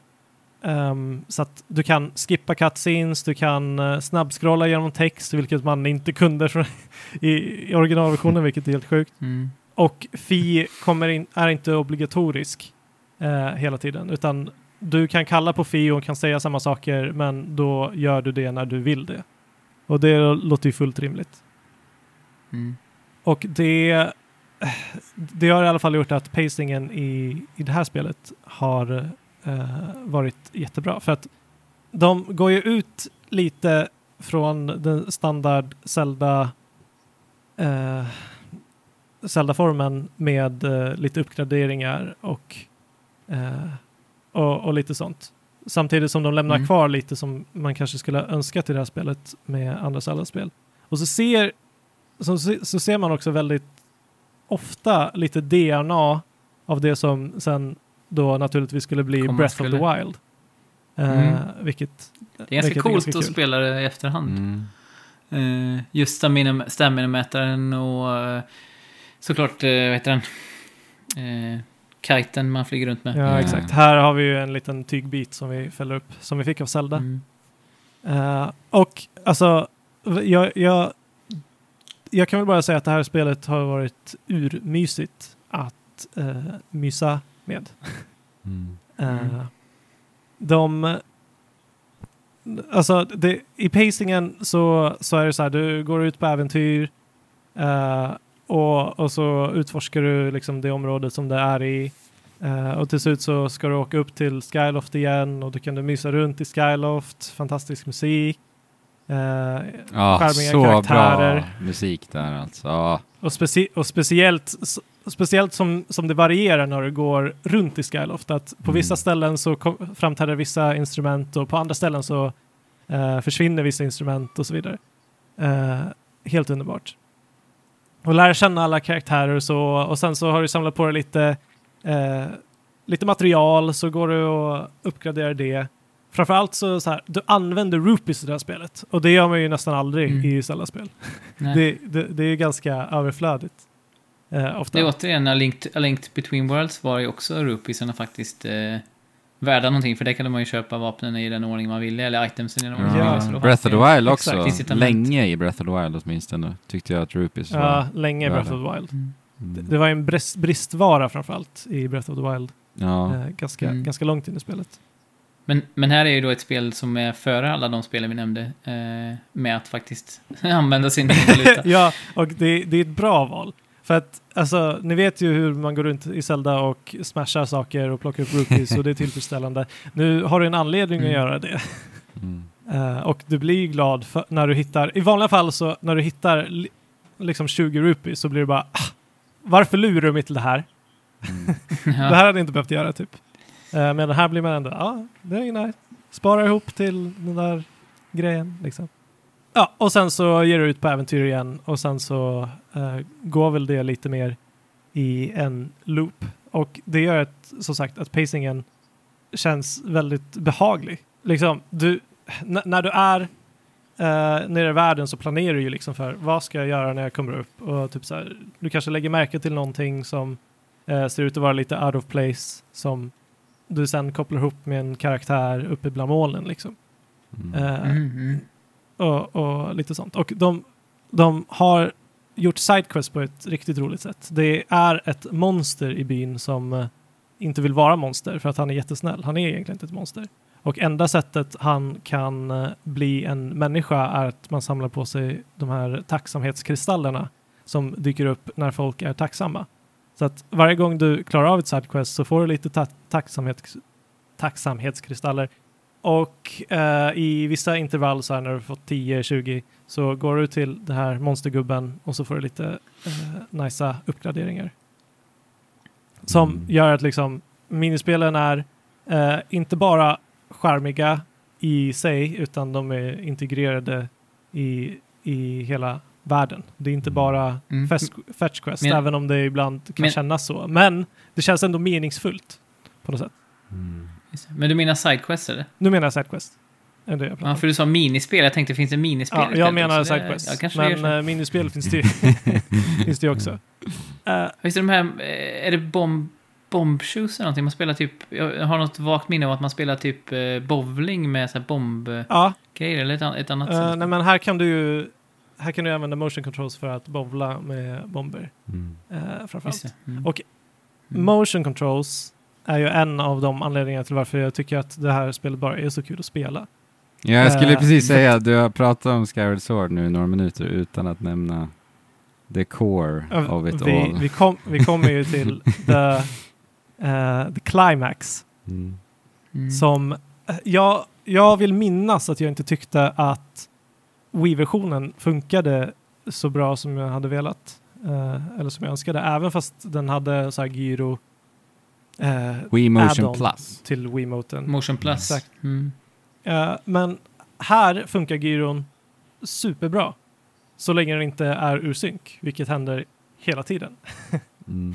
Eh, så att du, du har en resync-knapp eh, likt i Splatoon när du spelar med gyro. Ja. Att du trycker på Y. Och det, det blir en vana till slut. Och eh, jag menar, det, det är inte menat att du ska svinga med hela handen, utan när du får in den här eh, vrist-snappen så, så är den superakkurat. Mm. Och så styr du typ den här baggen, mekaniska baggen som du skickar ut med den. Den kan aldrig fly, flyga rakt, i alla fall inte med min Joy-Con. Mm. Eh, så, att, så att man måste så här kro- korsa sig fram, vad heter det? Kryssa sig fram. Eh, Men det är en bagge Fabian. Lite sånt är lite, Den, den lever ju sitt egna liv, alltså du måste ju... det, det, det är lite jobbigt när, det, när, när man ska flyga den genom så här täta gångar och så. Mm. Och i och med liksom motion control eh, aspekten så har de designat fienderna ut efter att du ska använda motion Ja. control på olika sätt. Eh, vilket bara gör, alltså strider brukar ju inte vara så roliga i Ze- Zelda-spel. Nej, vi sa ju det Eh. förut, precis. Men med motion control så blir det ändå kul, det blir någonting annat. Ja. Eh, och framförallt att det blir någonting annat. Jag Mm. menar, jag har tryckt på en knapp i 28 år för att göra saker i spel. Eh, Så att Mm. jag tycker att motion control är riktigt uppfräschande. Ja. Alltså jag har ju Riktigt alltid tyckt om detta. Rörelsekänslighet. Och det här, jag tycker ändå, det här på något sätt, det här valet Nintendo ändå gjorde med Skyward Sword, jag tycker det inkapslar lite varför jag tycker om Nintendo. För det är så här, det är ändå Zelda, det är ett Ah. av världens Mm. största eh, varumärken där ute när det kommer till spel. Och de bara, nej, vi ska fokusera hela spelet kring rörelsekänslighet. Och det är väl klart så här, 50% av spelindustrin bara tittar på dem och skakar Ja. på huvudet. Men de struntar ju i det. Va? Nej, vi ska utforska vad man kan göra med det här mediet. Liksom. Jag, Ja, och- Det är bara hatten av, tycker jag. Exakt, det är hatten av. Ibland så står det, ibland så faller det, men de, De testade. de utökar ju ändå. Ja, alltså jag menar utan, utan Wii så kanske vi inte hade haft de kontrollerna eh, nu som vi har till VR-headset. Liksom. De, de med, det här, med de här tekniken så, så driver vi fram tekniken också. Precis. Eh, Men eh, I stort. ett, ett problem som eh, har lyfts och som jag upptäckte den lilla stunden jag spelade är ju att när man spelar eh, dockat så är det ju ganska mäckigt hur man ska eh, flytta kameran fritt. För nej, det är nej, också nej, en nyhet i det här menar spelet. med... Nej, Eh, tvärtom, när man spelar hand. när man spelar handhållet, ja. Eh, det. eller, när du spelar med kontroll. Ja. Jag testade spela kontroll eh, de första minuterna. Det sög. Eh, för att som du säger, du måste hålla in L för att flytta på kameran. Alltid när jag spelar Mm. spel så flyttar jag på kameran hela tiden. Mm. Mm. eh, medan jag springer och så här. Och, men eh, de har av någon konstig anledning gjort att det inte går att ändra heller. Att man använder svärdet i första hand eh, med, vänster, med, med högerspaken. Mm. Mm. Vilket gör det riktigt tråkigt. Och man skulle kunna tänka så här, ja, nej men när det är strider och när du Z-targetar, då använder du mm, spaken. Eller bara skift. för att styra svärdet. Bara tvärtom kanske. Ja, eller bara tvärtom Men- på något sätt. Men, he, men hela den grejen att, att, att man kan flytta kameran fritt, det är ju en Ja, ganska stor förändring ändå det. i Ja, men exakt. som inte fanns med Mm. i... eh, i Eh, att, originalet. att jag har gjort det väldigt mycket, som jag alltid gör i spel, eh, talar ju för att det, det var nödvändigt. Eh, eller det Mm. bidrar i alla fall med någonting. Ja, för jag minns när jag spelade originalet att man, man kunde ju Sätta typ taget där. titta uppåt och neråt lite grann så här, men det var väldigt, man fick typ ha- hacka sig fram nästan för att man skulle kunna titta runt sig. Ja. Ehm, och det låter ju behagligare om man är så van vid att kunna kontrollera Ja, nej, kameran men fritt. jag tror ju att det här är, Så- alltså, det första spelet kom med sina kompromisser och sina brister. Eh, bland annat att varje gång du startade spelet och du stötte på en pickup som du har redan tagit så dyker den här eh, upp och sen så står det i textbox liksom vad det är. Det finns inte här. Mm. Så att liksom bara det gör ju under för, för basingen. Mm. Mm. Ehm, sen har vi liksom, ni, ni kanske kommer ihåg hur upplägget är. Du kommer till olika, till, t- det är tre olika områden totalt eh, som man återvänder till Mm. flera gånger om, som de gör olika Mm. saker i, som kan kännas ganska tradigt. Och ja, alltså i sina sämsta stunder så känns det tradigt och eh, kanske repetitivt, men i sina bästa stunder så är det eh, otroligt bra. Eh, I sina stu- bästa stunder så har det här blivit ett av mina favorit Zelda-spel. Eh, Mm. Kul alltså. Så att Mm. Ja, ni kanske kommer ihåg de här trials som man går igenom, som är ganska tråkiga. Eh, Ja. Du är i området och sen så blir allting mörkt, du har inga vapen, du ska samla på dig eh, små droppar Ja, Ja, precis. Mm. som är utspridda eh, där runt omkring. Och jag tyckte att det var eh, tradigt första gången jag spelade, det kommer jag ihåg, att det så här, ah, inte igen. Mm. Eh, men alltså när jag ser på det nu så, ja, jag tycker att det är skittråkigt om du misslyckas. Och måste, alltså om du misslyckas så måste du göra om allting igen och smyga och hålla på.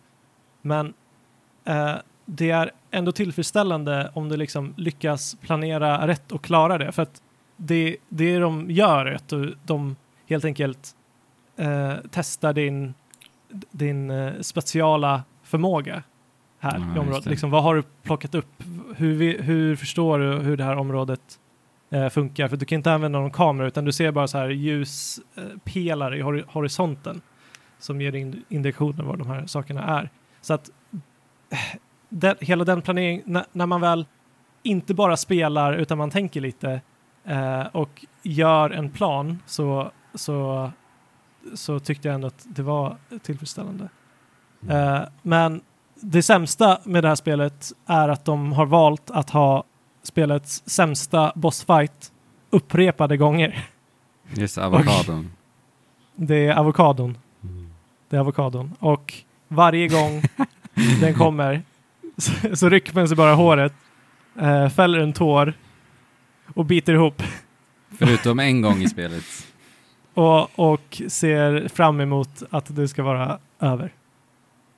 Mm. Förutom en gång i spelet. Tycker jag, eller minns i alla fall. När... Ja, ja, en gång i spelet så eh, gör de det lite lättare för dig och då är man ja! Mm, precis.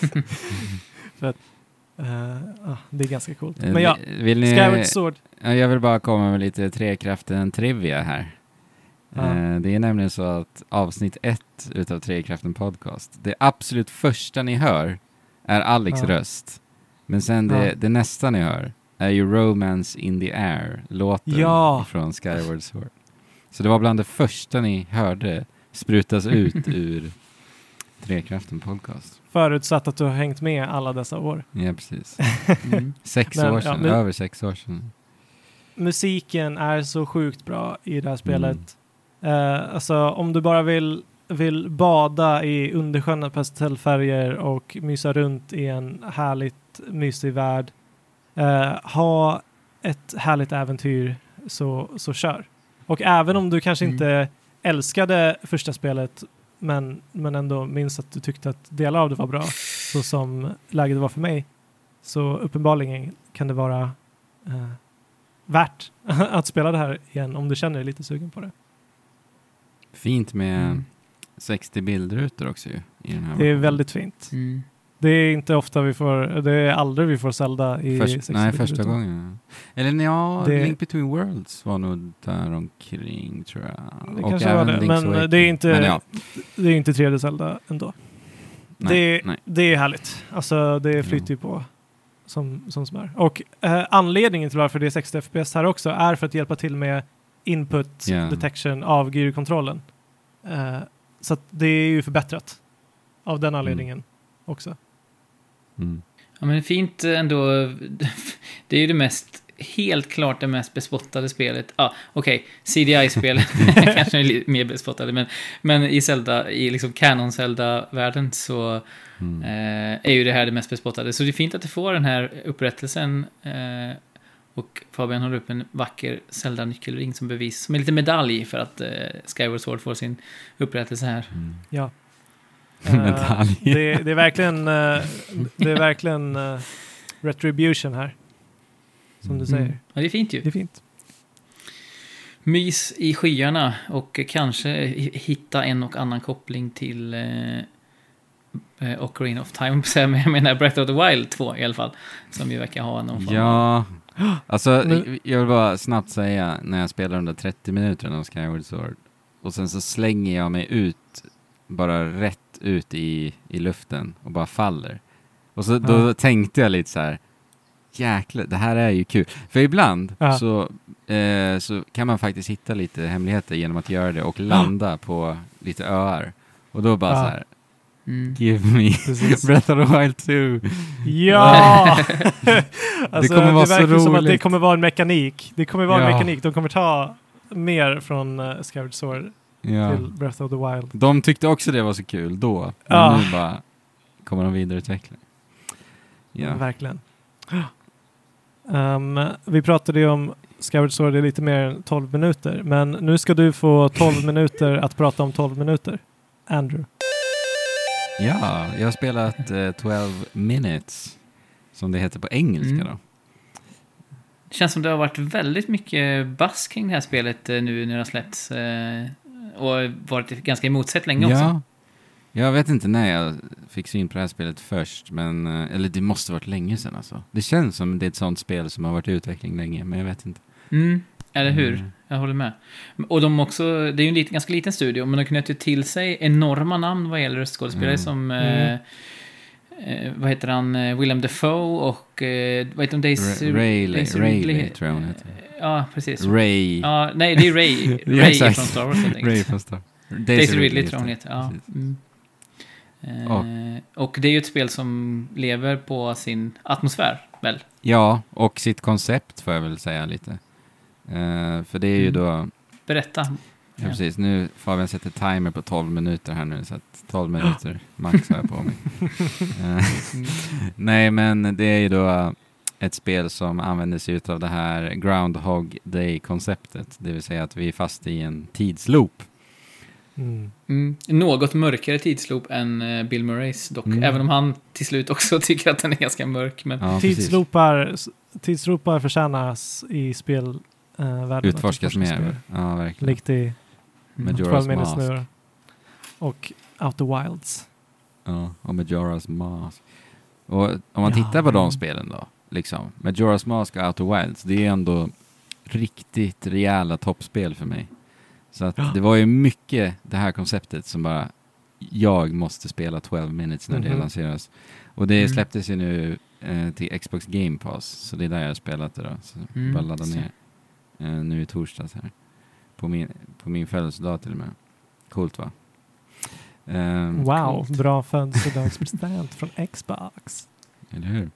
Men ja, eh, så att hela konceptet då, eh, 12 minuters tidsloop och sen så hela spelet utspelar sig då i, eh, i en lägenhet. Och det är en jätteliten Mm. lägenhet alltså. Och, och sen är det då Mm. ett fågelperspektiv även här då, så vi ser rätt uppifrån.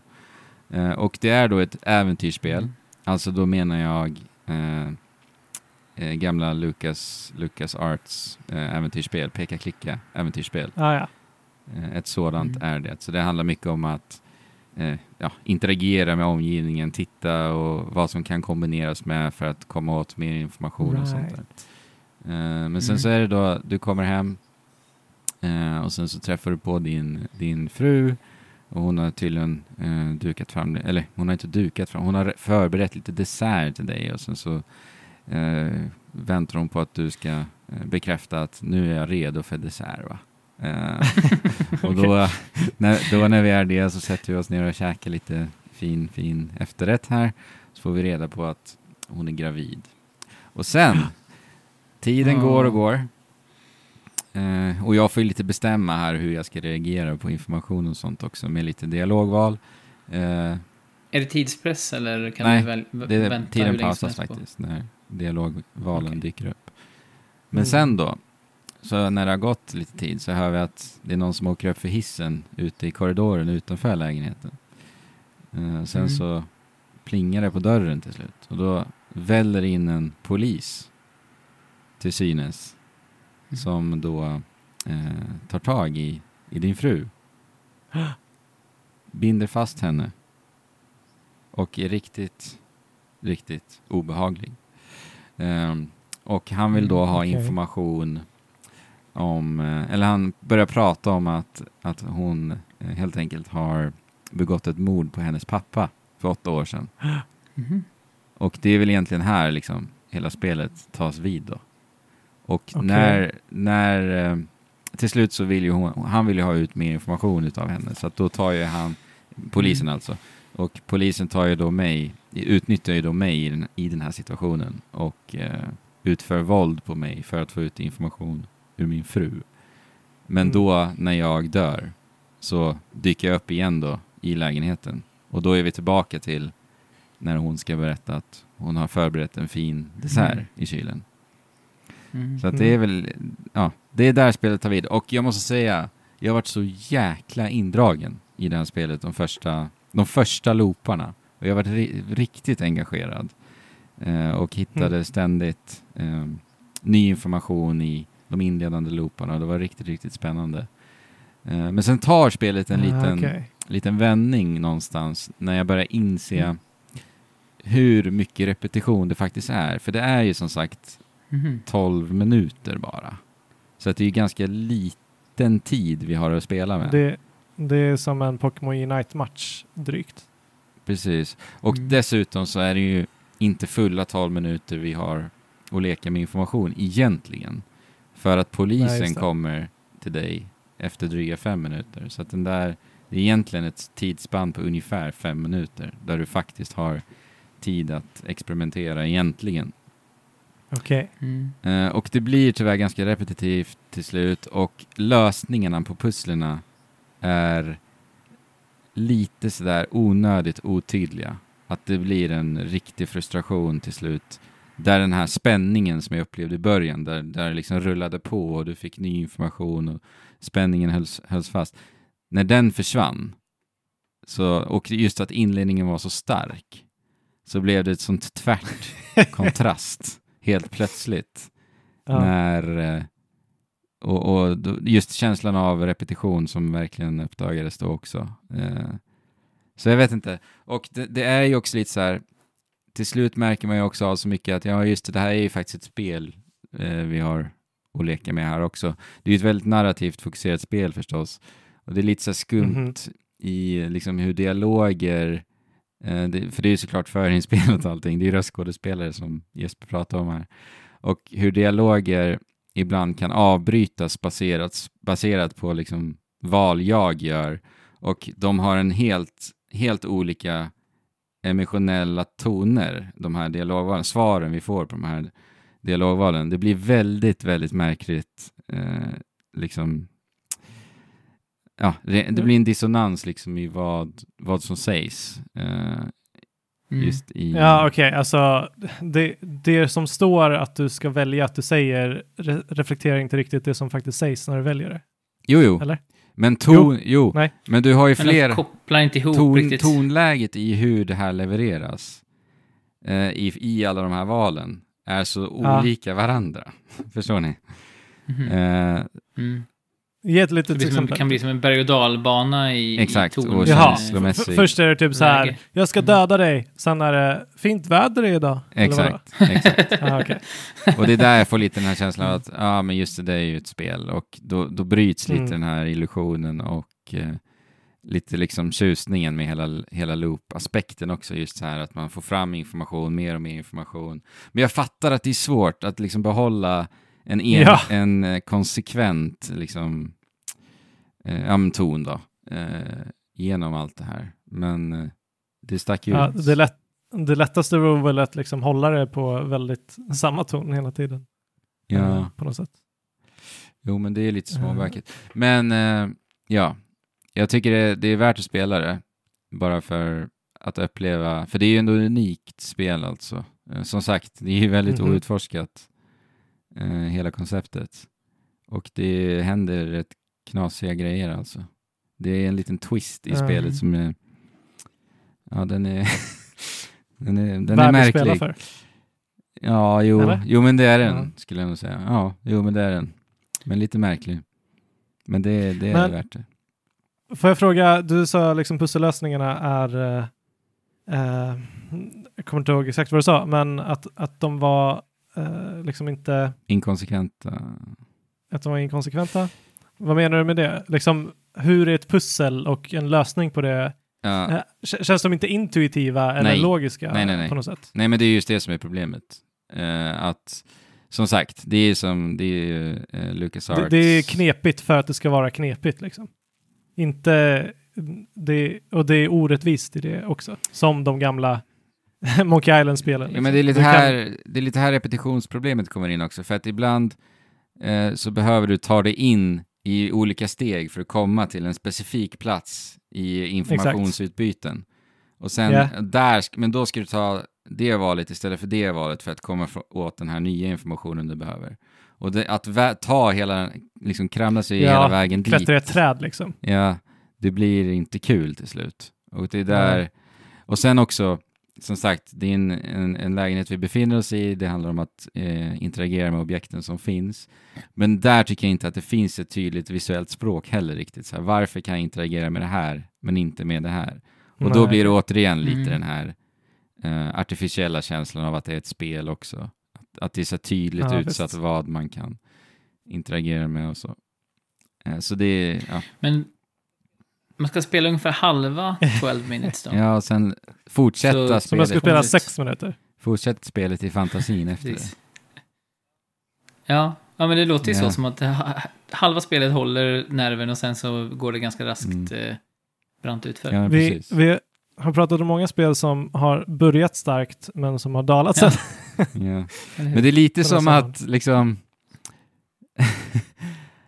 att eh, om, om man tittar på på hela det här konceptet som, som underhållning, om man så zoomar ut vad det här konceptet är, så träffar inte det här spelet riktigt, utan det känns snarare som att jag blir den här karaktären som ständigt får vara med om den här jädra skitjobbiga loopen jag är fast i. Så jag blir till Det- slut Mm. honom liksom. Men att det är så det jobbigt kanske att hela- komma tillbaka. Men det kanske är hela, hela meningen med Ja, det kanske är det, precis. De, eh, då har de ju lyckats. Ja. Inlevelsen är Du ju ska känna dig där. mi- misshandlad. Du ska känna dig misshandlad i Mm. det. Ja, men tänk, tänk att behöva så här, fråga, veta att du kan fråga en viss fråga för att komma till eh, liksom, en, en Mm. viss brytpunkt. Och så måste du göra det hundra gånger. Vad tröttsamt det måste vara. Men där måste, det måste ju reflekteras i hur de uttrycker det. Om det ska vara trovärdigt. De måste Mm. Ja, bli exakt. mer och mer eh, irriterad Ja. och eh, ointresserad typ varje gång eh, du Mm. frågar samma fråga. Mm. ja, gradvis också, ja precis. Ja. Mm. Ja, Okej, mm, eh, bara börja Mm. mumla lite. Eller att man typ till slut kan säga jag vet att du vet att du vet, eller jag vet att du vet det här och jag vet att du vet det här, så varför är det så här? Mm. Fråga mig inte hur, men jag vet det. Det är ju lite så, men inte med den komiska twisten kanske. Nej, okej. Ja. Eh, Nej, ja, men, Men ja. eh, men nice. men eh, ja, det finns ju en koppling mellan eh, 12 minutes och det här sista spelet vi ska prata om. Eh, eller vi har faktiskt bara spelat en demo. Eh, och det är ju att 12 minutes är ju då uppenbarligen 12, 12 minuter och WarioWare-spelen, Get It Together, är ju exakt 12 sekunder i snitt. Mm. Om man tar alla minispelen och räknar ihop så blir det exakt 12 sekunder i snitt. Mm. Ja, det är fakta. Det kan ni fakta... Ja, ni kan faktakolla det om ni vill. Spela alla spelen och ta tids... Eh, noteringen där så får, vi, får ni se om jag har rätt eller Yes. inte. Men ja, eh, WarioWare Get It Together är ju faktiskt inte släppt ännu, utan det är ju, finns en demo ute nu på App Store, men på Nintendos digitala affär. Eh, och jag har faktiskt inte, det, det är också ett tema för det här eh, avsnittet, att jag har inte spelat det här, men ni har spelat det. Eh, vill du börja? Så vad, vad säger ni om de första färska intrycken Galet. av det senaste WarioWare-spelet? Ja, det var kul Galet. alltså. Riktigt Mm. skoj. Multiplayer, multiplayer Ja. WarioWare. Alltså det här, det här demot eh, fick mig eh, och min sambo sitta och skrika och skratta så, så högt. Alltså om, om man var utanför vår lägenhet så skulle de ju undra vad man höll på med. Eh, och det är ju ett gott betyg för Mm. ett demo. Mm. Verkligen. Jag kan Det- inte vänta på att det släpps här i september nu faktiskt. Jag blev riktigt peppad av det här demot. Riktigt taggad. Och jag, jag har planerat i mitt huvud att vi ska ha eh, en date hemma hos er, eller hemma hos oss, när det här spelet kommer, Andrew. Eh, och eventuellt eh, att vi kan eh, få till en date med en trippeldate. Mm. Ja, precis, till Falköping. Verkligen. Det vore ju Eh, underbart. Men någonting, vi ska inte prata så mycket om det här spelet nu för det kommer, vi kommer prata om det när det släpps istället. Men någonting som gör att det sticker ut från övriga WarioWare-spel då? Är det multiplayer-aspekten? det är det. Och hur är, det- hur är den i så fall eh, implementerad? Eller vad är det som gör Alltså, att det det blir blir, speciellt? ju så galet när... dels om, om det kommer ett minispel som ingen har någon aning om och sen så bara händer saker och, och alla är lika förvirrade liksom. Eh, det är galet. Sen så blir det galet om en fattar men den andra inte fattar och sen så skriker den andra på den andra. Gör det! Gör rätt då! Tryck på knappen! Peta näsan! Peta Peta näsan! näsan liksom. Och sen, Eh, nej, det blir, och då det blir det blir, panik för det den blir andra. extra kul att då förklara vad det är, för det är ju oftast väldigt, väldigt knasiga saker du faktiskt... Ja. Bizarra. Mm. Eh, och sen tar tiden slut. för att man hinner inte förklara. Och då blir, då blir det, men fattar du inte det? ja. ja, herregud. Ja, det, det är galet, galen, galenskaper. Eh, love it. Det, det här kan vara ett av de bästa demon jag någonsin har testat. Ja. Eh, Ja, men det, det är också just, eh, det är ett ganska stort fokus på olika karaktärer också, så att alla karaktärer kontrolleras ju olika. Och där blev jag faktiskt lite positivt överraskad över hur de har liksom hanterat det, för att det finns ju då såklart en hel drös av olika mikrospel som de kallar det. ja. Men de blir ju Mm. anpassade efter karaktärernas eh, egenskaper helt enkelt. Blir de det? Ja. Okej. Ja, vilket är väldigt coolt. Så till exempel den här karaktären i demot som, som inte kan röra på sig utan kastar bara Mm. iväg någon typ jojo eller någonting så dras man till punkten när man kastar den. De, eh, ja men till exempel den karaktärens banor, du, då placeras, Ja, ja, ja, ja. då placeras det ut sådana där Du punkter så? istället. ja varje enskild Mm. bana eh, anpassas efter karaktärerna, ja. Ja, Eh, men det är inte som att urvalet, alltså alla karaktärer kan spela alla banor. Ja, men det är det jag menar. Och det är där Ja, jag blev precis, lite ja. förvånad över. Att, det, att de liksom ändå har eh, anpassat dem för varenda Mm. karaktär. Alltså det är... Ja. Ja, och för jobb. de som inte vet vad WarioWare är för koncept så är det alltså små knasiga minispel där du ska liksom eh, intuitivt på bara eh, någon sekund fatta vad det är man ska göra för att liksom vinna. Men Mm. du har bara några sekunder på dig och eh, 12 sekunder. vad sa du? 12 sekunder. 12 sekunder.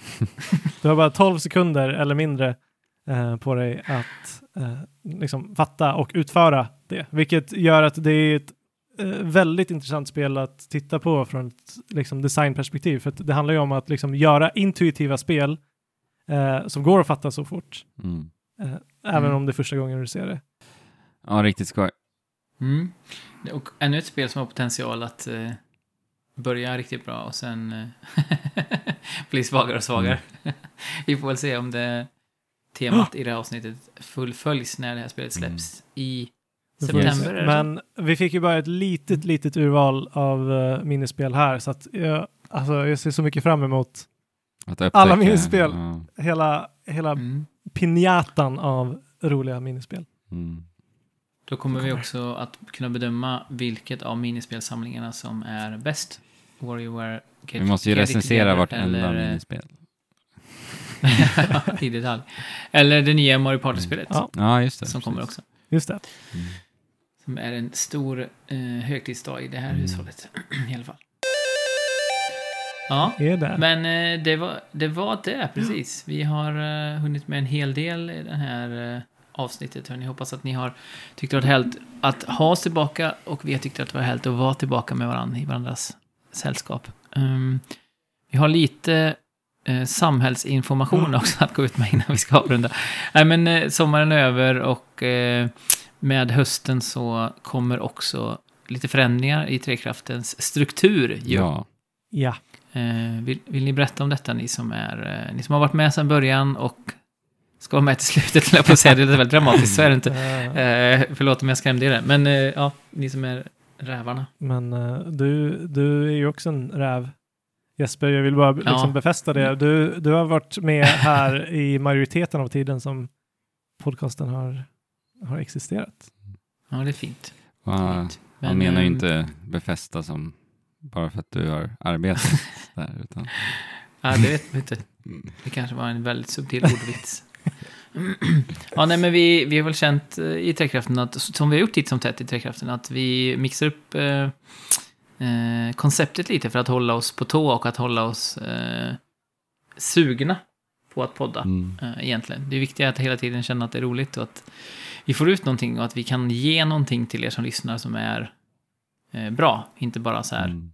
pliktskyldigt. Precis, hit, Exakt. hitta, find the fun helt enkelt. Och det är väl det vi, Det är det Mm. viktigaste. vi har ju lite eh, möten om, om det och eh, titta tillbaka på säsongen som har varit när vi har lite uppehåll. Och sen försöker vi då helt enkelt eh, hitta en mall som, eh, som helt enkelt får oss att bibehålla det roliga i att podda, helt enkelt. Mm. Och vad, nu har vi hittat på lite nya spännande idéer. denna gång? Fabian? Eh, den, denna gång eh, har vi ehm, gjort det, beslutat att gå den eh, väldigt modiga vägen att inte släppa regelbundna avsnitt framför allt, vilket är ju den aspekten som kommer att eh, påverka eh, ni som lyssnar allra mest. Mm. Utan vi kommer på förhand planera säsongen, vilka spel vi ämnar att spela och sen så allt eftersom att de eh, släpps och vi spelar dem så släpps också avsnitten i takt med det, helt enkelt. Mm. Får jag Precis. fråga då som lyssnare? Jag kan tänka mig att lyssnare tänker då varför? Om man bara Ja. svarar på den frågan. Varför väljer vi att göra detta? Ja. Why? Enlighten us. Eh, Ja, men det är väl det, det, var det du var inne på tidigare, att vi ska försöka hitta det sättet som gör att vi känner störst Mm. lust. Eh, och vi känner ju mest lust över att få djupdyka i någonting vi alla har Precis. spelat. Och att också få eh, skapa någonting kring det eh, med lite mer, eh, ja men kanske vara lite mer omsorgsfull med musiken och eh, lite mer, ja, kärlek vid själva hantverket. Och det blir svårt när man släpper regelbundet för då blir det lätt en känsla av att det, det måste ut och man måste pressa det lite grann. Även om vi har haft ett varannan vecka-schema nu så är det ändå så att det blir ändå, man hamnar i det. Men att kunna, Exakt. som sagt, lägga lite mer puts Ja. och kunna hinna låta allting andas lite mer. Precis, det har ju varit, vi har ju märkt att vi har ju gått hit egentligen hela förra säsongen också. Eh, för då hade vi ju som ni vet eh, lite mera fokusspel som vi fokuserade på i varje avsnitt.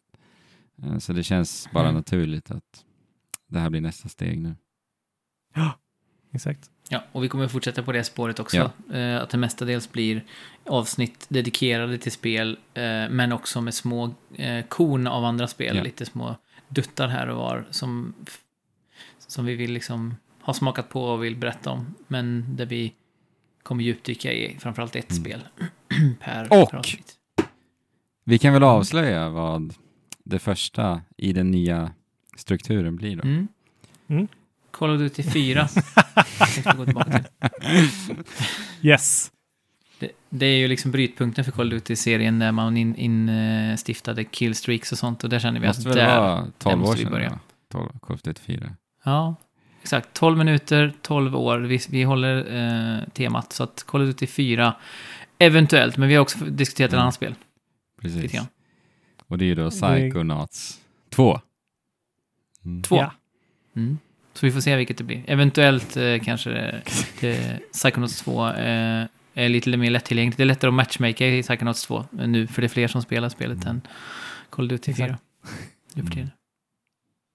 Mm. Mm. Spännande. Ja, men det ska bli Ja. kul. Jag har inte spelat eh, någonting än. Ni har spelat desto mer hittills och eh, av det ni har yttrat så smått i våra samtal så eh, verkar det ju vara Mhm.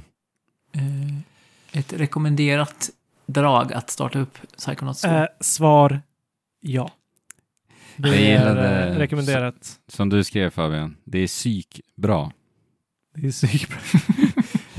Men det är verkligen psykbra. Ja. Eh, och dessutom för alla de som har Game Pass så finns det, så finns det ingen bortförklaring att inte spela det här spelet. Nej. Som att det, det är ett sprillans nytt spel eh, som bara ligger där och väntar på, Glittrar. på spelare att spela det. Och Ja. det ska spelas. Det Njut. bör spelas. Njut så hörs vi helt enkelt om detta fantastiska spel. Ja, Ja, förutsatt och att då- vi inte bestämmer oss för Call of Duty 4. Just det. Ja, precis. Vill jag ju ha lite Interna, intensiva ja. diskussioner. lite Men, eh, handfights också. Ha, ha, ja, har vi sagt eh, när vi tänker oss att, för nu har vi sagt det att vi inte kommer släppa regelbundet, har vi, har vi sagt någonting om när vi kan släppa det första av det här oregelbundna Ja, avsnittet? men eh, du får väl se Men, hur eh, oregelbundenheten eh, eh, utspelar sig. Men vi tänker relativt snart. ja, Ja, det kommer inte, det kommer inte En vara månad. Det, en oändlig tidsrymd innan vi släpper, utan det är inom, inom Ja. ganska kort. eh, Så att vi isar in er i det här nya upplägget så att ni inte exakt. Behöver känna er oroliga. Men en bra sak med det här är att om ni ser fram emot nästa Tre Kräftorna-avsnitt så kan ni bara hålla koll på notifications och när det väl kommer så kommer det liksom. mm. Det blir som en liten, liten Och, eh, överraskning. liten överraskning. Ja, plus att eh, en fördel med det här är att vi kan kommunicera ut också så tidigt vi kan eh, vilket spel vi spelar och beroende på då hur tillgängligt spelet är förstås så kan man ju faktiskt också eh, spela med. Så det blir lite bokklubbs, Ja, spelklubbsaktigt. precis. Ja, det går också. Mm. Eh, och för att Mm. göra det så kan eh, du som lyssnar gå in på vår Discord där alla uppdateringar finns, där vi skriver om eh, högt och lågt, om spel och sport och Mm. eh, Jag om känner mig lite, jag måste möjligt. hoppa in där mera nu alltså. Jag har varit lite frånvarande på senaste om jag ska vara ärlig. Aja baja alltså. Man, kom, när man, man kommer in i det nu när Ja, vardagen börjar precis. igen tror jag. Jag har ju Mm. samma. Men eh, vad skulle jag säga också angående Discord? Jo, eh, vi, eh, hoppas ju också kunna få till eh, i höst här i alla fall ett nytt online. Mm. Eh, och för er som var med senast så vet ni hur härligt det var. För er som inte var med så kan vi berätta att det är ju alltså ett online-LAN kan man säga, där vi spelar ihop en hel dag eh, och myser och umgås. Och, Ja, det måste vi göra. det Det var är ju givet. extremt, extremt Ja. mysigt förra gången. Eh, sikta Det på var en det. ny höst, höstdag, förmodligen en helgdag då, eller ja, Ja. det blir det ju. Ja. Så gå med i Discord eller riskera att missa detta eh, vidunderliga tillfälle. Mm. Och eh, med det sagt hörni så tackar vi för det här avsnittet som förhoppningsvis inte har följt formulan som spelarna har gjort. Det vill säga börjat jättebra och sen bara blivit sämre och sämre. Utan hållit hela vägen in i mål. Men eh, tills nästa gång hörni så eh, spela på och eh, chip. Shula? Hopp.